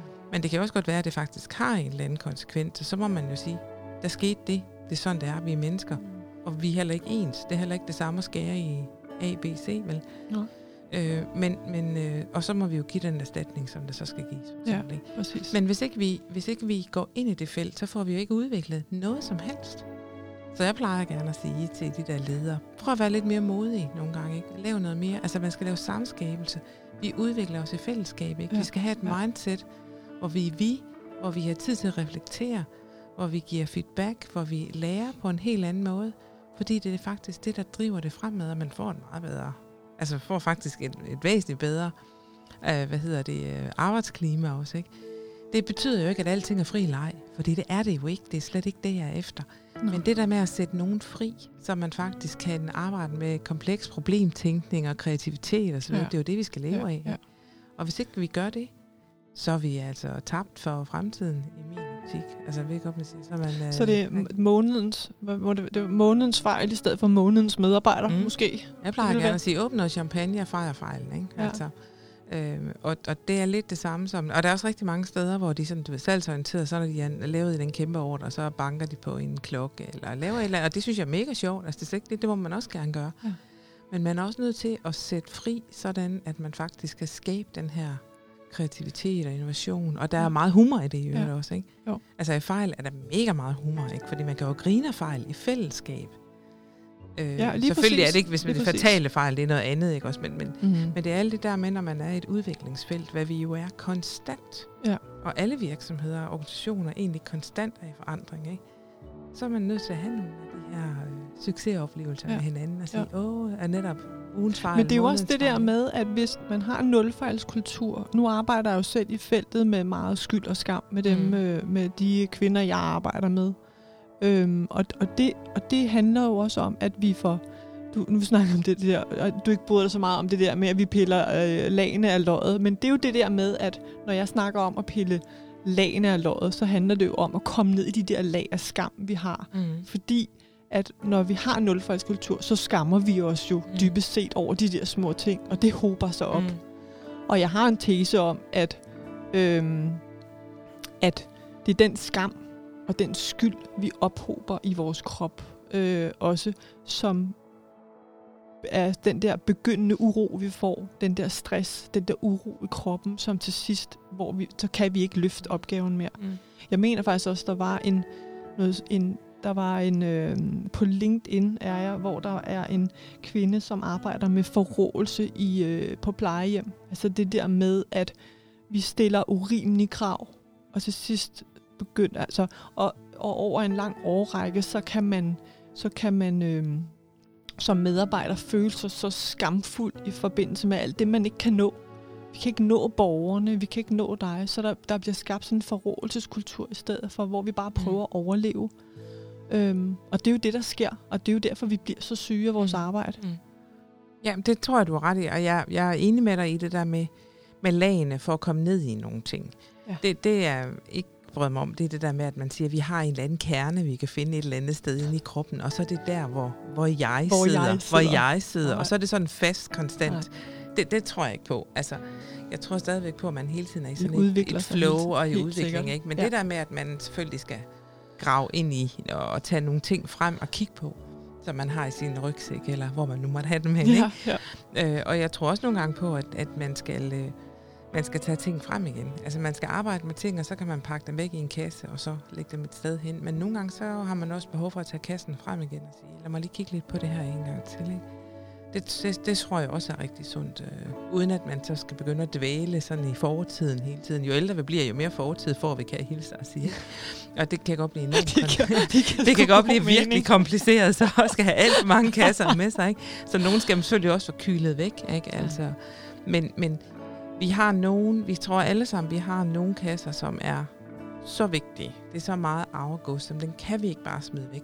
Dem er vi simpelthen nødt til indimellem at, at lige tage. Vi skal have den med os, ikke? og så Ja. skal vi tage den frem nogle gange. Men når kan vi kigge, kan vi åbne kasserne og så se ned i den med kærlighed, ikke?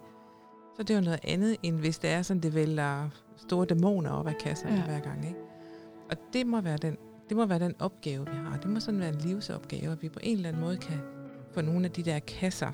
Se på det at- i et kærligt helikopterperspektiv Ja, på en eller anden præcis, måde. Ikke? Sådan, ja. at, sådan at det ikke bliver de her dæmoner, som vi bringer med os øh, på forskellige lederkanter. Ikke? Altså den der, der sidder på skuldrene af en, ikke? Jo. og man nogle gange siger, gå væk, jeg vil ikke ja. snakke med dig nu. Ikke? Jeg har ikke tid til dig lige nu. Lige præcis, og i øvrigt så gider jeg slet ikke snakke med dig om det og det. Altså, Nej. fordi det er vi er faktisk langt forbi. Ikke? Jo. Så, men dem, vi har på skulderen, de er også ret fede. Fordi øh, selvom de er irriterende, så er de også med til at holde os i gang. Ja. Så, så man skal også nogle gange omfavne sine dæmoner. Jamen bestemt, bestemt. Jeg er meget øh, enig. Jeg er men, meget øh, enig. men, det er, det, men der kan selvfølgelig være øh, så store og voldsomme traumer i ens liv, så det er ikke bare lige en lille dæmon på skulderen. Det, det anerkender jeg naturligvis. Altså, Vi har alle sammen hver vores kampe, og nogle, Ja. er, nogle, nogle er større end andres, ja. kan man Ja, sige. Men ja, omfavn det, du har med dig, Ja. fordi at der er jo en kæmpe fortælling i det. Ja. Øhm, ja, det er så rigtigt. Og så er der noget med også, fordi det synes jeg også er, er en... Det er en anden vej, ikke? Det der med, hvem er det, der kan gøre noget for mig? Det er Mm. mig, der kan gøre noget for mig. Og der er rigtig mange mennesker, som, som hele tiden har den der med, hvis nu bare alle andre, de lige gjorde noget andet, så er det meget nemmere for mig at være her og være mig. Ja, det er rigtigt. Altså, det, det, det er den der med, okay, hvis du synes, at resten af verden er nogle idioter, så kan det godt være, at du skulle prøve lige at kigge lidt på dig selv, ikke? Jo. Og så sige, det kan godt være, at hele verden ikke er helt åndssvag, ikke? Vi, jeg medgiver gerne, at noget af verden er mærkelig, ikke? Men, men det der med, at man også tager sit eget perspektiv og bliver lidt på sin egen boldbane, ikke? Jo. Og siger, at det er mig, og det er jeg, og det er ikke sådan noget med vi og du, og hvis du bare gjorde, og så, øh, der er også noget med at sige, jeg har det sådan, for eksempel, ikke? Jamen, du, det gør det ved mig, at... Altså, Ja. Og det, det er også med til at, at, at gøre, at det bliver lettere for mig at tage min rejse, hvis jeg tør adressere den i forhold til mig selv. Ja. Øh, og det betyder ikke, at det er en let rejse, men det bliver lettere. Altså, der er kæmpe Ja, forskel ja. på, om det er let Ja. eller lettere. Ikke? Præcis. Fordi jeg kan ikke tage min rejse, hvis jeg hele tiden er over i andre mennesker. Nej, det er rigtig god pointe, ja. det der med at, med at tage... Øh, og jeg, jeg, dem, jeg arbejder med, der, der plejer jeg at lege med ordene, øh, at øh, du tager et ansvar, og så kan du tage et overansvar. Og, øh, og det der med ansvar, det er jo at have respekten for sig selv med.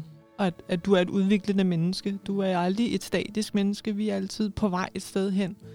Øhm, men men når, man, når man er i hvad kan man kalde, det? når man er i det mørke der, hvor man, hvor man er virkelig meget i tvivl, og, og hvor ens selvværdi ikke er særlig høj, så skal man lade være med at tage overansvar. Fordi det kan jeg da også huske, jeg gjorde på det tidspunkt, hvor at jeg var derude i, at øh, altså, jeg har altid haft sådan et menneskeligt gen for, at jeg vil gerne hjælpe andre mennesker. Men jeg kan ikke hjælpe andre mennesker, før jeg har hjulpet mig selv først. Så, øh, så det der med at skulle både øh, være bæredygtig og være økologisk og være biodynamisk, og så skulle øh, jeg også redde mine børn på skolen, og jamen altså you name it, jeg kan jo nævne alt muligt. Spældbollerne og det Ja, der. ja, altså Mm. spældbånd, spældmoren, ikke? Det, det, er jo det, jeg vokset op med her. Det er, at det skulle se fantastisk ud. Da jeg fik min søn for øh, snart 14 år siden, Mm. øh, der, der øh, var det picture perfect. Og så var vi lige begyndt på at komme på de sociale medier, så det var bare sådan en konkurrence. Øhm, så det er det, jeg mener med at tage, tager du overansvar her, for at andre skal, skal have sådan feel good, øh, eller skal du bare tage dit eget ansvar lige Ja. nu? Og det er jo også pointen i det, du siger, tænker jeg, at, Ja. at hvis du skal udvikle dig, og hvis du skal komme, komme, komme op af de der afgrunde, som vi kommer i, fordi det gør vi jo i løbet af et, et langt liv, Mm. forhåbentlig, som vi har, øhm, så er det det der med at gå ind og, og finde ud af, hvor, øh, hvor tager jeg overansvar, og, og skulle jeg måske begynde at lige tage niveauet Mm. ned, og så tage ansvar Ja. for mig selv ja. og mit velbefindende. Jeg er helt enig med dig. Jeg er så enig, fordi det, det, der, det, der kommer til at ske, og det er faktisk lige præcis det, vi bliver syge af. Fordi at, at nogle gange, så kan man bare betragte det som sådan en bankkonto. Ikke? Altså, det er det der med, at hvis du øh, bliver ved med at hæve ud af kontoen, ikke, så får du altså overtræk på et eller andet tidspunkt. Ikke? Øh, og det der overtræk, det kan blive så stort, så du kan se dig ud af det. Og det er det samme, der sker på den her konto. Så du skal også have noget ind igen. Ja, lige præcis. Øh, Så der er simpelthen nødt, du er nødt til at putte noget ind på kontoen også, samtidig med, at man også skal gøre noget for andre mennesker. Fordi det vil, grundlæggende vil mennesker gerne gøre noget for andre. Fordi det får vi også, om jeg så må sige, foder af. Ikke? Jo. Men, men det der med helt at glemme sig selv, så får man altså overtræk på kontoen. Og det bliver man syg, og det kan jeg også skrive under på. Altså det, det, det gør ikke noget godt for en, hvis man hele tiden skal stå til rådighed og løse alle andres problemer og tage ansvar for alle andres vegne. Altså det, der har jeg også øh, været, fordi så skulle jeg tage mig af A, B, C og D, Mhm. mm-hmm. fordi de havde Ja. det værre end mig. Ja. Øh, og til sidst, så, så kunne jeg ikke mere, fordi jeg havde ikke mere at give af, og jeg blev syg. Altså jeg blev, Ja, ja, jeg blev ja. syg af det også, ikke? Og jeg blev fysisk syg til at starte på, faktisk. Altså, Ja. øhm, og hvor jeg tænkte, om jeg var influenza. Altså, det var, jeg var bare forkølet. Jamen, jeg havde, jeg havde faktisk over 40 feber i fire dage. Ja. Altså, og, og det var der, fordi at jeg begyndte at give slip i nogle ting, og så siger kroppen, hapsi, hapsi du, Ja. den tager jeg lige fat i her, ikke? Ja. Fordi der er der lige noget, jeg har brug for nu, ikke? Og, og, og så kommer det jo i forlængelse af det, ikke også? Altså, Ja. Og hvor man bliver nødt til at tage fat i nogle andre ting, for at få noget ind på kontoen. Og, og det tror jeg, det er det, man bliver syg af. Altså, det er det der. Og så tænker jeg, det du også har fat i med, Altså, nu karikerer vi lidt det med spæltmor, ikke også, fordi det har været sådan et begreb, men lige præcis den der med, at man vil, man vil jo bare gerne gøre det så godt. Ja. Det er fordi, man vil gøre det så godt. Fordi vi er, go- vi er gode mennesker, ikke også? Ja, Vi præcis. gør det bedste, vi kan for alle andre, og særligt dem, vi holder af, ikke? Ja. Og så sker der nogle gange det, at vi kommer til at gøre det modsatte i al vores godhed, ikke? Så, øh, så ender det et andet sted, end det, vi havde forestillet Ja, jeg os, ikke? tænker også, det ender, øh, det ender ude i det der kaos der, ja. hvor man lige pludselig ikke kan mærke sig selv mere. Ja, fordi jeg, om, ja, jeg er sgu også en spældt mor, jeg er også en curlingmor, jeg er også en øh, ambitiøs mor, jeg er også en passioneret mor. Øh, Ja. Så der er mange facetter altid. Ja. Ja. Så det er nok, øh, så, så udgangspunktet er nok mere, hvem er du også, i stedet for alt det, du ikke er. Ja. Øh, det, er det, er nok, Ja. det er nok der, den krænger.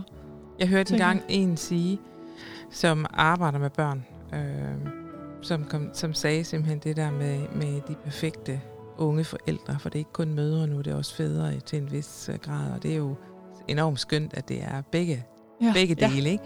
Men som sagde, i stedet for, at man altid læste i alle de der bøger, og var på alle de der hjemmesider, så ville jeg sådan ønske, de bare kiggede på deres barn og mærkede. Ja. Okay, det var faktisk ret interessant, ikke? Fordi det er sådan noget med, jamen, jamen, når man er x måneder, så skal man kunne det, og når man er x år, så skal man kunne det. Jamen, der er bare nogle børn, som ikke kan det, når de er x år, men x plus 1, eller x plus 5, eller hvad ved jeg, ikke? Det er sådan noget, og man tænker, Ja. ja. jamen, øh, altså, jeg, jeg har nogle gange sagt til dem, prøv at de lærer nok at gå.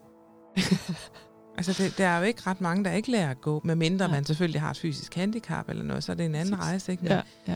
men jeg kender faktisk ikke nogen børn, der ikke på et eller andet Nej. tidspunkt har rejst sig. Og jeg griner så meget, fordi jeg er der lige nu. Jeg er mor, blevet tredjegangsmor her til en med en skøn klump på 6 måneder. Og jeg kan bare huske, hvordan det var dengang. Altså, så begynder man jo at sammenligne, ikke? Ikke børnene, men jeg begynder at sammenligne mine tanker om, at dengang, der var det for 14 år siden, der, der, øh, der, der var vi begyndt at blive det der videnssamfund, hvor man skulle have evidens. Evidens var et særdeles brugt ord inden for Mhm. videnskabens verden, og jeg har ikke noget imod videnskab. Det er Mm. godt for mange ting. Men lige her, der tænker jeg, hvad nu hvis du dengang havde haft modet til at lytte lidt mere? Eller kigge på ham? Eller du ved, bare, bare være nærværende? Men nej, det var altid sammenligning. Kan jeg vide, hvem der er begyndt at give grød nu? Kan jeg vide, hvornår lille prut begynder at kravle? Og så tænker jeg, øh, ja, altså, det er en gennemsnitlig, tænker jeg så. Det er 8 maj. Stop. du ved, så det... Men, men, men, ja, men, men det kommer jo ikke fra fremmede, fordi det kommer jo også af en institutionskultur, og vi skal ud og have socialiseret det barn her, og... Øhm, og jeg, jeg nåede lige at have, et, at have øh, min store dreng der i børnehave og med overgang til 0. klasse, inden der blev sat et AKT-team på, at nu øh, han skulle jo egentlig i skole, hvor jeg bare havde det sådan, det skal han ikke, for han er ikke klar til at komme i skole. Og så året efter, så havde de jo ført sådan helt, øh, ja, netop, øh, hvad står det for, øh, trivsel og øh, noget med kvalitet, ikke? Altså det er sådan en team, der kommer på Mm. nu, af psykolog Mm. og skolelærer, pædagog og så videre. Altså, hvad sker der? Og han nåede lige at springe, fordi jeg havde en gudsbenået pædagog dengang, der sagde, at han bliver her et år, og jeg skal Mm. nok sørge for lige at øh, give Linde. Jeg skal nok lade være med at nævne nogen navn. Men tak, Ja, ja, tak, tak til for den. Men, men det er jo interessant, fordi og jeg tror, du har ret i det der, at der er noget insti- institutionalisering i det. Men egentlig så tror jeg også, det er meget menneskeligt. Det tror jeg, altså, man har gjort i århundreder og Ja. tusinder, at man har tænkt, jamen, kan mit barn det samme som dit barn, eller hvad Ja. det nu kan være. Ikke? Også, Ja, altså, jeg ja. tror også, der er noget almindeligt menneskeligt i det. Men det skal bare ikke gå hen og blive sådan et å, der kommer til at ligge som et pres, vel? Fordi at så skal vi have de rigtige billeder på Instagram, og så skal vi... Nej. Altså, jeg kender det jo lidt fra gymnasieverdenen, ikke? Altså, Øh, og, og man ser det jo hvert år i eksamenstiden, de stolte forældre, der poster billeder på Facebook af poderne med studenterhurner, og det er jo skønt, og det er fantastisk på alle lederkanter. Det, der bare er interessant, og det, jeg plejer at sige det til alle de forældre, jeg kender, vær nu varsom med, hvordan I skriver det. I må gerne sige, at vi er mega stolte, og så er det det. Men I behøver jo ikke at skrive, hvad karakter de har fået, fordi det, der er bare sandheden, det er, det eneste, der skriver, hvad karakter de har fået, det er dem, der har fået 10 og 12. Så hvis ikke du skriver det, så ved vi godt, de har ikke fået 10 og 12. Åh oh, nej, Hvad er det lige, der sker for børnene der, tror du, alle de unge mennesker? det var, ikke, Så- det var ikke okay med det der syvtal, jeg kom ud Åbenbart ikke vel, eksamen eller hvad det nu kan være. Nej. Ikke? Altså, Så jeg tror, der er, der er sådan rigtig meget med måden, man arbejder med det her på. Fordi man må jo gerne være mega stolt af andre mennesker. Ikke?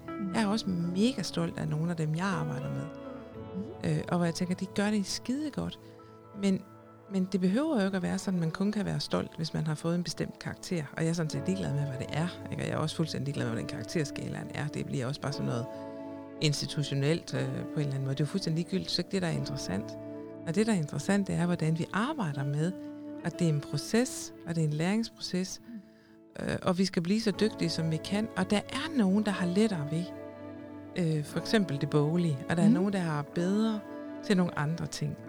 Det er okay med mig, vi har brug for alle. Ja. Men, men vi har bare fået sådan en kultur, hvor det så er vigtigt, at vi præsterer, og vi er stolte af, at vi kan og slutte med et flot 12-tal eller sådan noget. Ja, ja, men der er ikke nogen, der skriver, at han sluttede med et flot total. Altså, jeg har ikke set det. Du har inspireret mig, Jette. Næste gang, der sker noget, så vil jeg sige, at jeg er mega stolt. At jeg ikke, jeg gennemførte ikke det her, for det var ikke mig. Mm. Jeg gik den vej, jeg elskede i stedet for. Det kan sagtens være, det er det, man skal sige. Ja. Men, men det er jo der, hvor vi er med til at lægge presset også på, øh, for eksempel på de unge mennesker. Ikke? Ja. Øh, Udover at vi så, nu er vi jo så ved at heldigvis rykkrogle på det, synes jeg ikke, fordi det, det vi jo også har haft gang i, det har jo netop lige præcis været, at vi har lavet konkurrencestat, så det er klodser, ikke? Altså det har været nogle af de der med, om hvis du så tog øh, 6 A-fag, så fik du ekstra point for det, og så kunne du gange dit snit med, og så bla bla bla. Hele det der øh, gennemsnitshelvede, der har været for at komme ind på de videregående uddannelser også, og fremdriftsreform, som skulle presse osv. Altså, der, der har, vi har jo villet det bedste der. Det var Ja. jeg nødt til at sige. Vi har Ja. ja. faktisk tænkt, det her det motiverer Ja. til noget. Men det har nok givet et uh, relativt usundt pres på nogen i hvert fald. Ikke? Jo. Øhm, og det er lidt det samme som, altså, vi har også, der er også kommet sådan en, øh, jeg ved ikke, vi har, vi har jo fået sådan en, en, en tale, en måde at talesætte de dygtige elever på. Altså så har vi her den der 12-talspigerne, og hvor jeg siger, det er fandme godt, vi har nogle 12-talspiger. Jeg elsker de der 12-talspiger. Oh, folk de er ved at, hvad siger du? Altså det, det, det er faktisk rigtig godt. Altså, vi skal jo ikke gøre dem forkerte, som faktisk virkelig er dygtige, og som har Mm. det fint med det, og hvad ved jeg. Det er jo ikke dem, vi taler om. Vi taler jo om, der hvor det er den usunde vej hen til, og Mm. de, men, men nå ja, det er også rigtigt. Ikke? Så vi, vi skal virkelig passe på med, hvordan vi bruger sproget nogle gange. Fordi Ja. så vi kommer til at gøre alle, der er dygtige, forkerte. Hvorfor Ja. det? Det skal vi jo ikke. Nej. Altså, vi har brug for, at der er nogen, der er hammerdygtige også her, ikke? Jo. Som kan lave forskning i ditten datten, og, og vi har brug for nogen, som er øh, øh, måske knap så dygtige på det felt, men så, jeg kan ikke engang komme i tanke om nogle andre felter, altså, hvor jeg, fordi jeg sidder sådan og tænker i, jamen nu skal vi have elbiler eksempelvis, ikke? Jo. Jamen, bare det at være øh, mekaniker, det bliver en helt anden form for uddannelse, vi skal til at have op og køre nu her, ikke? Fordi nu skal de ikke stå og, og banke i øh, fossil brændstofmotorer mere, eller hvad Nej, man nu nej. gør, ikke? Og bare de seneste år, altså det gør man jo heller ikke så meget mere, men det er jo øh, nærmest et IT-job også at være mekaniker, ikke? Så hele tiden den der med, altså hvad er det, vi kan, og hvad er det, vi ikke kan? Hvad er det for nogle kompetencer, vi har brug for? Det kommer vi nogle gange til i vores iver efter at, at være så flinke og søde og rare, så kommer vi til at, at tale nogen forkerte, som slet ikke er det. Og Ja, og det er sjovt, du siger det der med at tale, fordi det er netop det der med, hvad er det, du bruger sproget til? Hvis du kun i tale sætter, at nu har jeg fast, altså en masse 12 så, Ja. er det jo, så er det jo bare i situationstegn de andre, der ikke bliver nævnt. Mm. Hvor at vi jo alle sammen på jorden for at sætte et helt særligt aftryk. Så om man er 12 eller om man er den der med krudt i røven, som konstant bliver sendt ned på skoleinspektørens kontor, som jeg også har i mine børns klasser, så har vi jo en kæmpe værdi i verden. Og det er jo, og, og det, er jo det, jeg synes, der er den, den der hverdagsudfordring. Det er, hvordan vi omtaler de børn, de voksne, de mennesker, Ja. som bare passer, hvad kan man sige, passer ud i stedet for at passe ind. Mm. Øhm, Jo, og så kan ja. ja. det også godt være, at vi nogle gange er nødt til at sige, at der er nogle steder, hvor, hvor altså det er jo møderne, der bestemmer, at, hvad deres unge mennesker skal. Det ved vi jo. Ikke? Altså 80, 80 procent af beslutningen på, hvilken ungdomsuddannelse du tager, ikke? det ved vi, det er mødrene. Altså det er, det er, det er forældrene, men det er primært mødrene, der uh, har den øh, tete. Det, er- det er der masser af undersøgelser på. Ikke?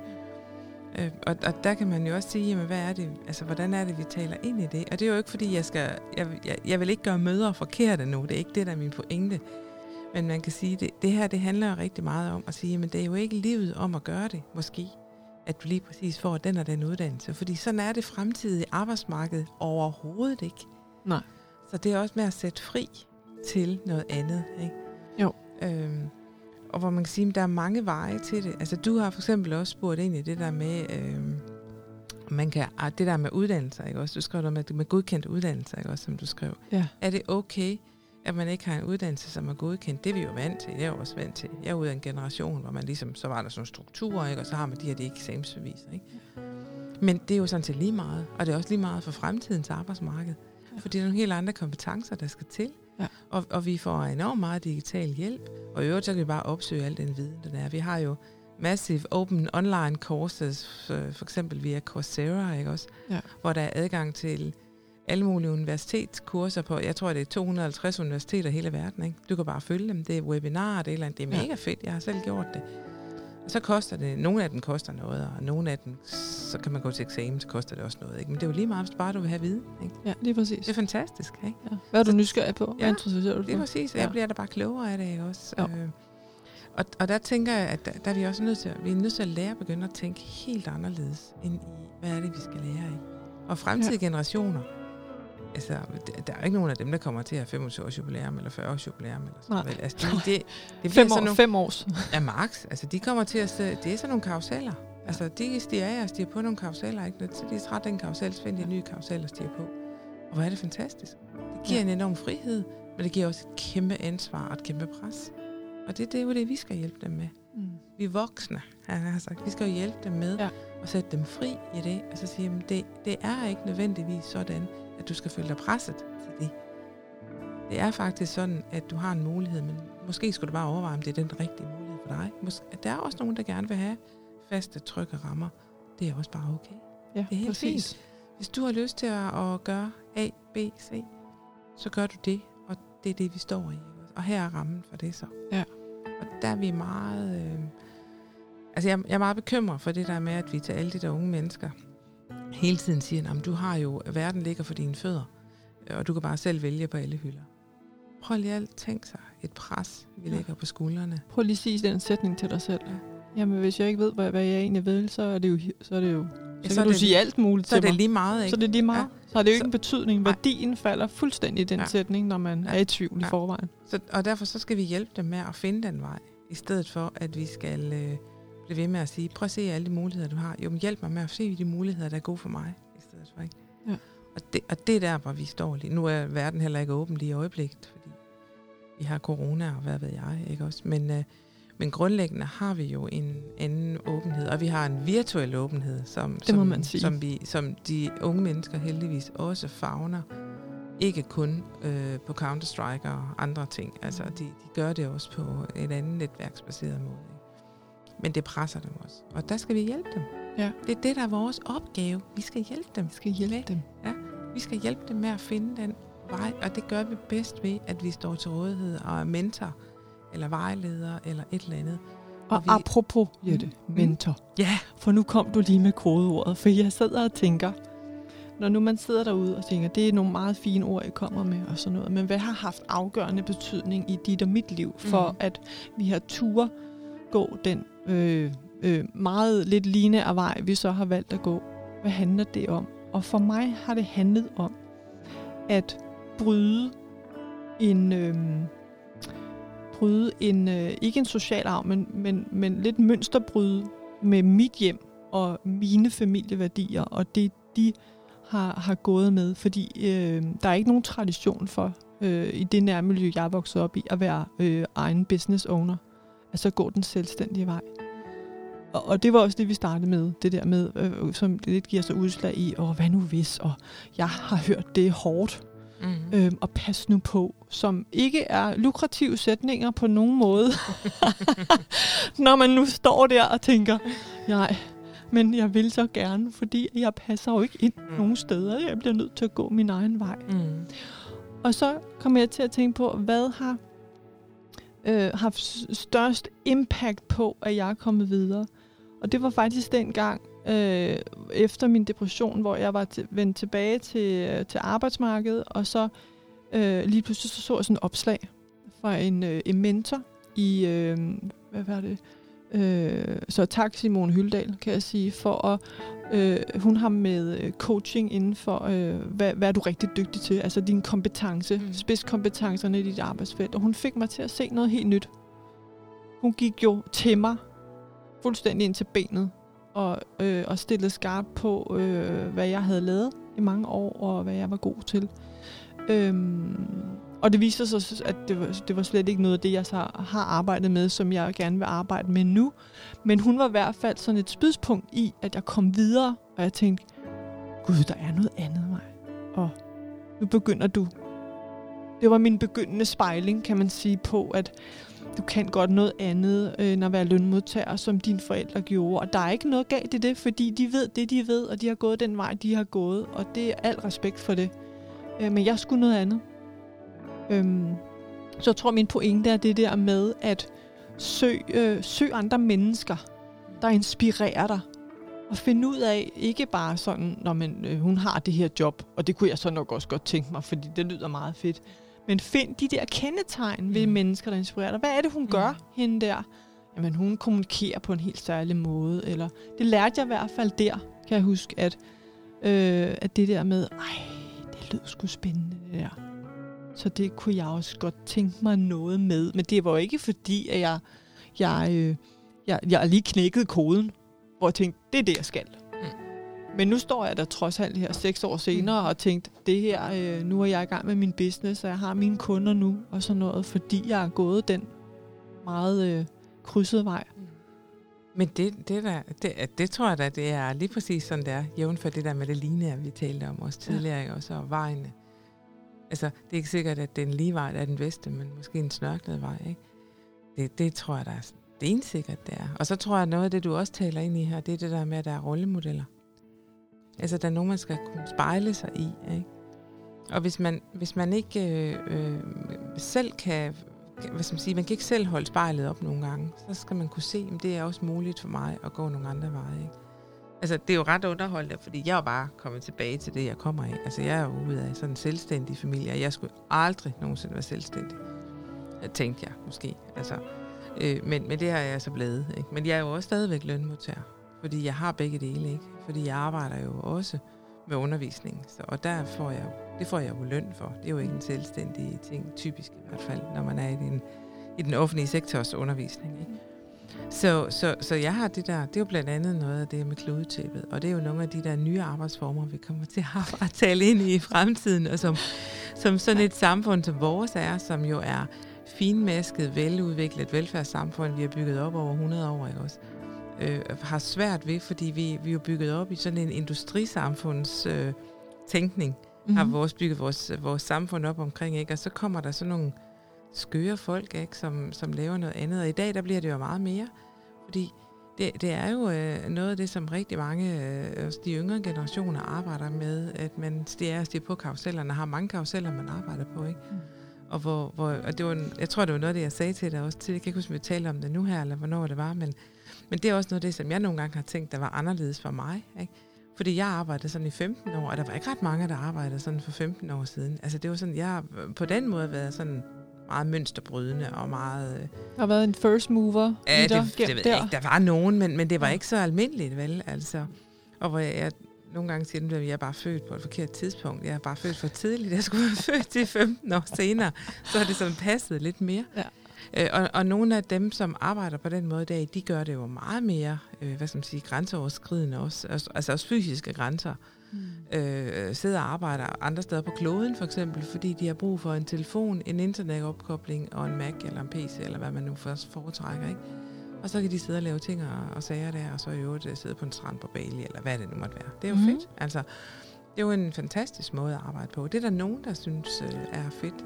Godt, go for it. Altså, den mulighed har man jo, hvis det er det, man synes, man godt kunne tænke sig ja. i en periode. Ikke? Og, og hvor, jeg tror lige præcis det der med at sige, at der er faktisk nogen, der kan gøre det. Kan man spejle sig i det?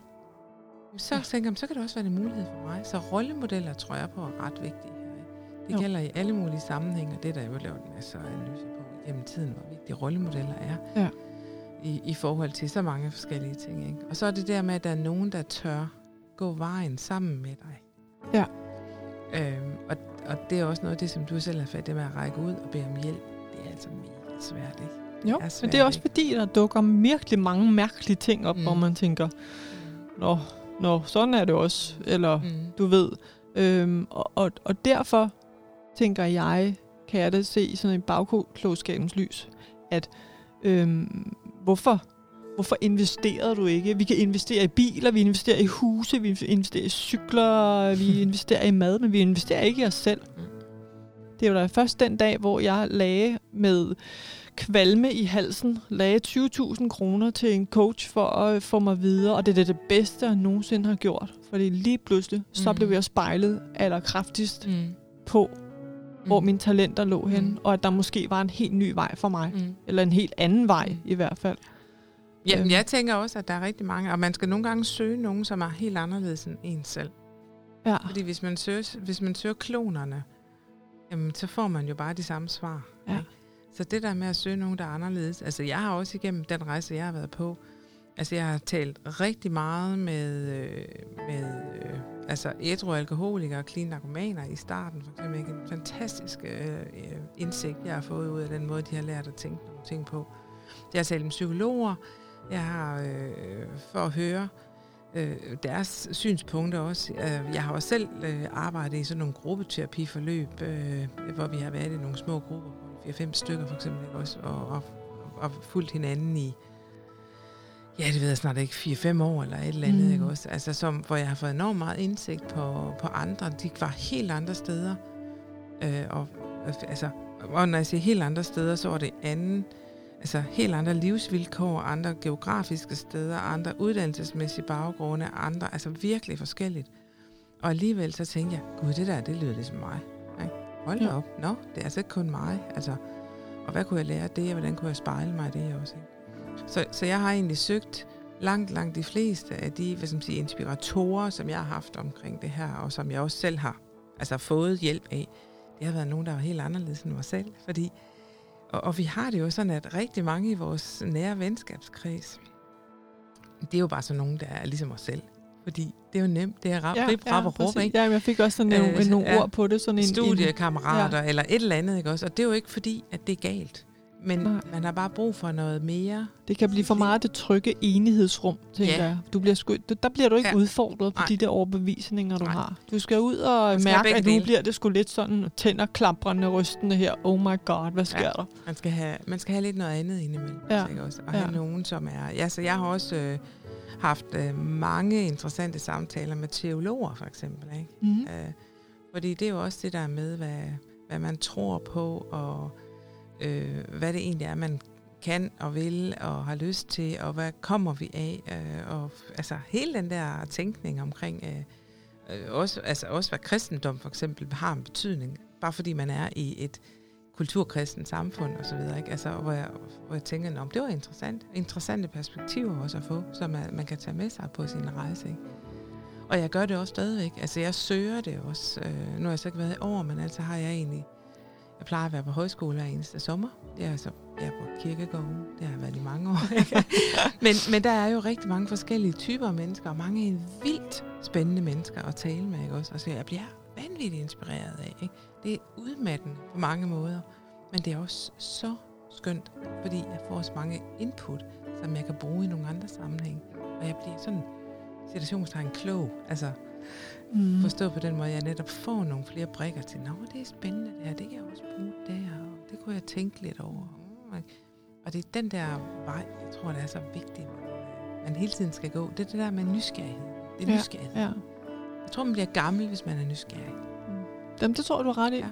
Og det er jo lige, og det er jo også den der, som du øh, snakkede om i forhold til dit arbejde, den der med øh, den der leg i, i ens arbejde, som ikke skal forveksles med barnlighed eller noget som helst. Men jo, som, jo, det skal vi også være. ja, det skal være, ja, ja, Ja, men det måske ikke lige, lige Ej, der. Men, ej. men du ved, altså det der med at kunne, kan livet rent faktisk være lejende lidt? Det er da, en, øh, det er da noget, jeg har øh, studeret rimelig kraftigt mm. Mhm. det sidste år, øh, hvor, hvor, at, hvor at når man når i det lever på liv, som jeg selv kalder det nogle gange, har været i, hvor jeg ikke har været glad. Jeg har ikke været glad mandag morgen. Jeg har altid gået og ventet på fredag. Mm. Så tænker jeg, det er fandme løgn, mand. Og nu er klokken søndag. Nu er det søndag, nu er klokken 15. Nu skal jeg afsted igen i morgen. Mm. No way. Øh, så den beslutning der om, at øh, kan det rent faktisk være, være lejende, let og, og hyggeligt og nærværende og det hele. Ja, det kan det godt. Det kan dit arbejdsliv rent faktisk mm. godt være, hvor at du sprudler. Mm. Øhm, ja. Jeg tror ikke, jeg vil beskrive det som lejende let. Jeg tror, jeg Nej. vil beskrive det som berigende. Og, og sprudlende kan jeg også godt lide det ord, fordi det er noget med, om du føler dig godt tilpas. Er det, er det min andedam? Altså, det er jo lidt det. Ja. Kan jeg godt lide det her hud, jeg er i på ja. en eller anden måde. Så, men lejende let, det synes jeg egentlig ikke. At, altså, jeg synes, det, altså, det er jo benhårdt. Det er benhårdt at bygge sin forretning op, ikke? Jo. Det, det kommer ikke bare af ingenting, vel? Øh, men det, at man kan synes, at den rejse, den også er enormt spændende og berigende og givetig, og man kan lide at være på rejsen. Det er det, der gør, i hvert fald for mig, at jeg tænker, det, det er derfor, jeg har gjort det 15 år nu. Fordi hvis ikke jeg skulle have syntes det, så skulle jeg jo have fundet på noget andet. Altså længere mm. er det jo ikke. Ellers Nej. har jeg jo haft et, undskyld mit franske, et lorteliv de sidste 15 år. Ikke? Jo. Og det har jeg ikke. Nej. Jeg har haft rigtig mange irriterende, dumme dage, og nogle gange har jeg også haft nogle opgaver, og jeg tænkte, ah, det her, det, det tror jeg sgu ikke lige, jeg skulle have sagt ja til, vel? Men, men så løser vi det på en eller anden måde, og så, men sådan er det jo. Altså, mm. Det er jo ikke sådan, at alting bare er lutter lavkage, vel? Men det, at man har den her grundfølelse af, ej, det er fedt det her. Ikke? Det, jo. det, det kan jeg jo. godt lide at være i det felt her. Det er godt. Ja. Og jeg kan, jeg kan personligt godt lide alle de der kludetippe stykker, jeg har.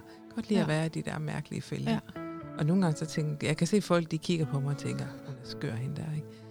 Og så tænker jeg, det er fint, de tænker det. Så er jeg, så er jeg der, hvor det skal være rigtigt. Ikke? Ja. Det er fint. Altså, det har jeg egentlig ikke noget på. Det er der, hvor skør og mærkelig bliver de ord, som man hører tit. Og hvor man tænker, vil du jeg tager som et kompliment hver gang, du ja. siger det, for så ja. er jeg på rette vej. Ja, lige præcis. Altså, sådan, sådan, ellers, så, det, ellers så er det galt ja. et eller andet sted. Ja. Det er faktisk en god måde at beskrive det på. Den ja. tager jeg med mig herfra. Om ikke andet, så er det i hvert fald det. Ja, lige præcis. Men jeg tænker, at vi skal til at slutte af, Jette. Mm. Der har været meget i gang herinde, ja, og jeg har været så begejstret og glædet mig så længe til den her podcast. Og nu er det simpelthen endt i det her. Det har også været en modig ting for mig, skulle jeg til at sige, da jeg for to måneder siden besluttede mig for, at nu vil jeg begynde at lave øh, en podcastserie, der handler om, at du aldrig er forkert. Men måske skal du søge nogle andre græsgange, sådan så du får konstateret, at du ikke er forkert. Øh, for vi er aldrig alene om noget som helst. Det handler bare om at finde inspiration et eller andet sted, og tage det første fagtag i det. Så inden vi... Øh, så tak for det. Tak fordi jeg måtte være med. Det har været virkelig spændende og dejligt at snakke med dig. Det synes jeg har været en rigtig ja. berigende samtale. Det synes jeg helt sikkert. Så tak fordi jeg måtte være med. Det er jeg rigtig glad for. Selv tak. Så jeg, jeg glæder mig til at høre din podcast-serie. Det gør jeg faktisk. Se, hvad for nogle spændende mennesker, du kommer til at tale med. Ja. Øhm, nu er det sådan, at jeg har inviteret... Øhm, jeg har inviteret Jakob Tallerup Hus ind, som er psykolog med speciale i smugspisning og overspisning. Øhm, og det øh, grunden til, at jeg har inviteret ham, det er øh, fordi, at jeg øh, i mange år har kæmpet med en, øh, øh, apropos overbevisninger, om at, øh, at det at være overvægtig og tyk øh, er forkert, og at øh, man skal lave sig selv om. Øh, og, og pointen er, at, at øh, det ikke er forkert at være tyk, og være overvægtig, eller spise meget mad, eller hvad det nu er. Mm. Men, men hvordan man stopper bekymringen, hvis man for eksempel har øh, egne udfordringer med det. Øh, øh, ikke at gøre børn forkerte, fordi de har mere fedt på kroppen end andre. Øh, og hans, hele hans perspektiv på, hvordan man øh, kan stoppe de der overleveringer, som vi måske har for vores møder, som har måske selv har jeg selv haft, har en mor, der øh, har været øh, haft meget svært ved sin overvægt, og skammet sig voldsomt over det. Øhm, og det har fyldt rigtig meget i min familie, så jeg tog kontakt til ham for at få hjælp til det her emne på et tidspunkt, fordi jeg kunne mærke, at det selv lå i mig. Øhm, og han hjalp mig på sådan en humoristisk måde med at få sat nogle andre ord på det. Ja. Så, øhm, så det, øh, det kommer det kommer til os i næste uge. Det bliver spændende. Ja, det gør det. Jeg kan så skrive under på, at det er rigtigt. Og jeg sidder jo selv her, og har lige lidt for meget på sidebenene. Øh, og så, øh, så jeg kan kun sige, at det er fuldstændig rigtigt. Ja. Og det er sjovt, det, ligger jeg, det lagde jeg jo meget mærke til for mange år siden, Mm. mm. da jeg begyndte på min uddannelse Ja. i ernæring og sundhed. Der var jeg jo overbevist om, som vi også snakkede om, Mm. at, øh, at glæde, oprigtig glæde i livet, det kom via, øh, at nu skulle du spise nogle flere gulerødder ja. og den fysiske sundhed. Øh, men jeg ser jo et super sundt menneske, Mm. når jeg kigger på dig, fordi jeg ser kigger i dine øjne, og øh, jeg, Jeg ser spiser et, altså også mange gulerødder, kan jeg så hilse Ja, ja, men vi skal altså også spise gulerødder og kage og hvad der ellers er, ikke? Det er varieret kost for mig. Ja, ja, lige Øh, men pointen Ja. ja. for mig er det der med at kigge hinanden i øjnene, Mm. i stedet for at vurdere ud fra mm. det fysiske. Ja. Ja. Fordi det må være, hvad vi er optaget af i vores hverdag, der, har, øh, der er essensen i os. Øhm, men det kommer vi meget tættere ind på. Når Spændende. Super godt. Så tak for i dag. Selv tak, siger Og god jeg. øh, onsdag er det. Det er onsdag i dag. Det er onsdag. Ja. Ja, det er. Og det er ikke engang regnvejr heller. Nej, der er, der er lidt sol derude. Ja. Så inden jeg vrøvler videre, så slukker jeg.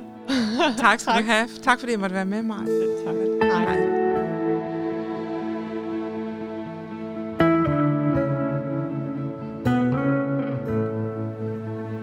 Podcasten har været længe undervejs, og hvis du har hørt den til ende, er jeg bare så glad. Til dig, der er ny hos mig, hedder jeg Maj Christensen.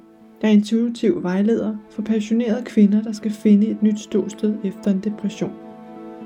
Tak for nu og på genhør.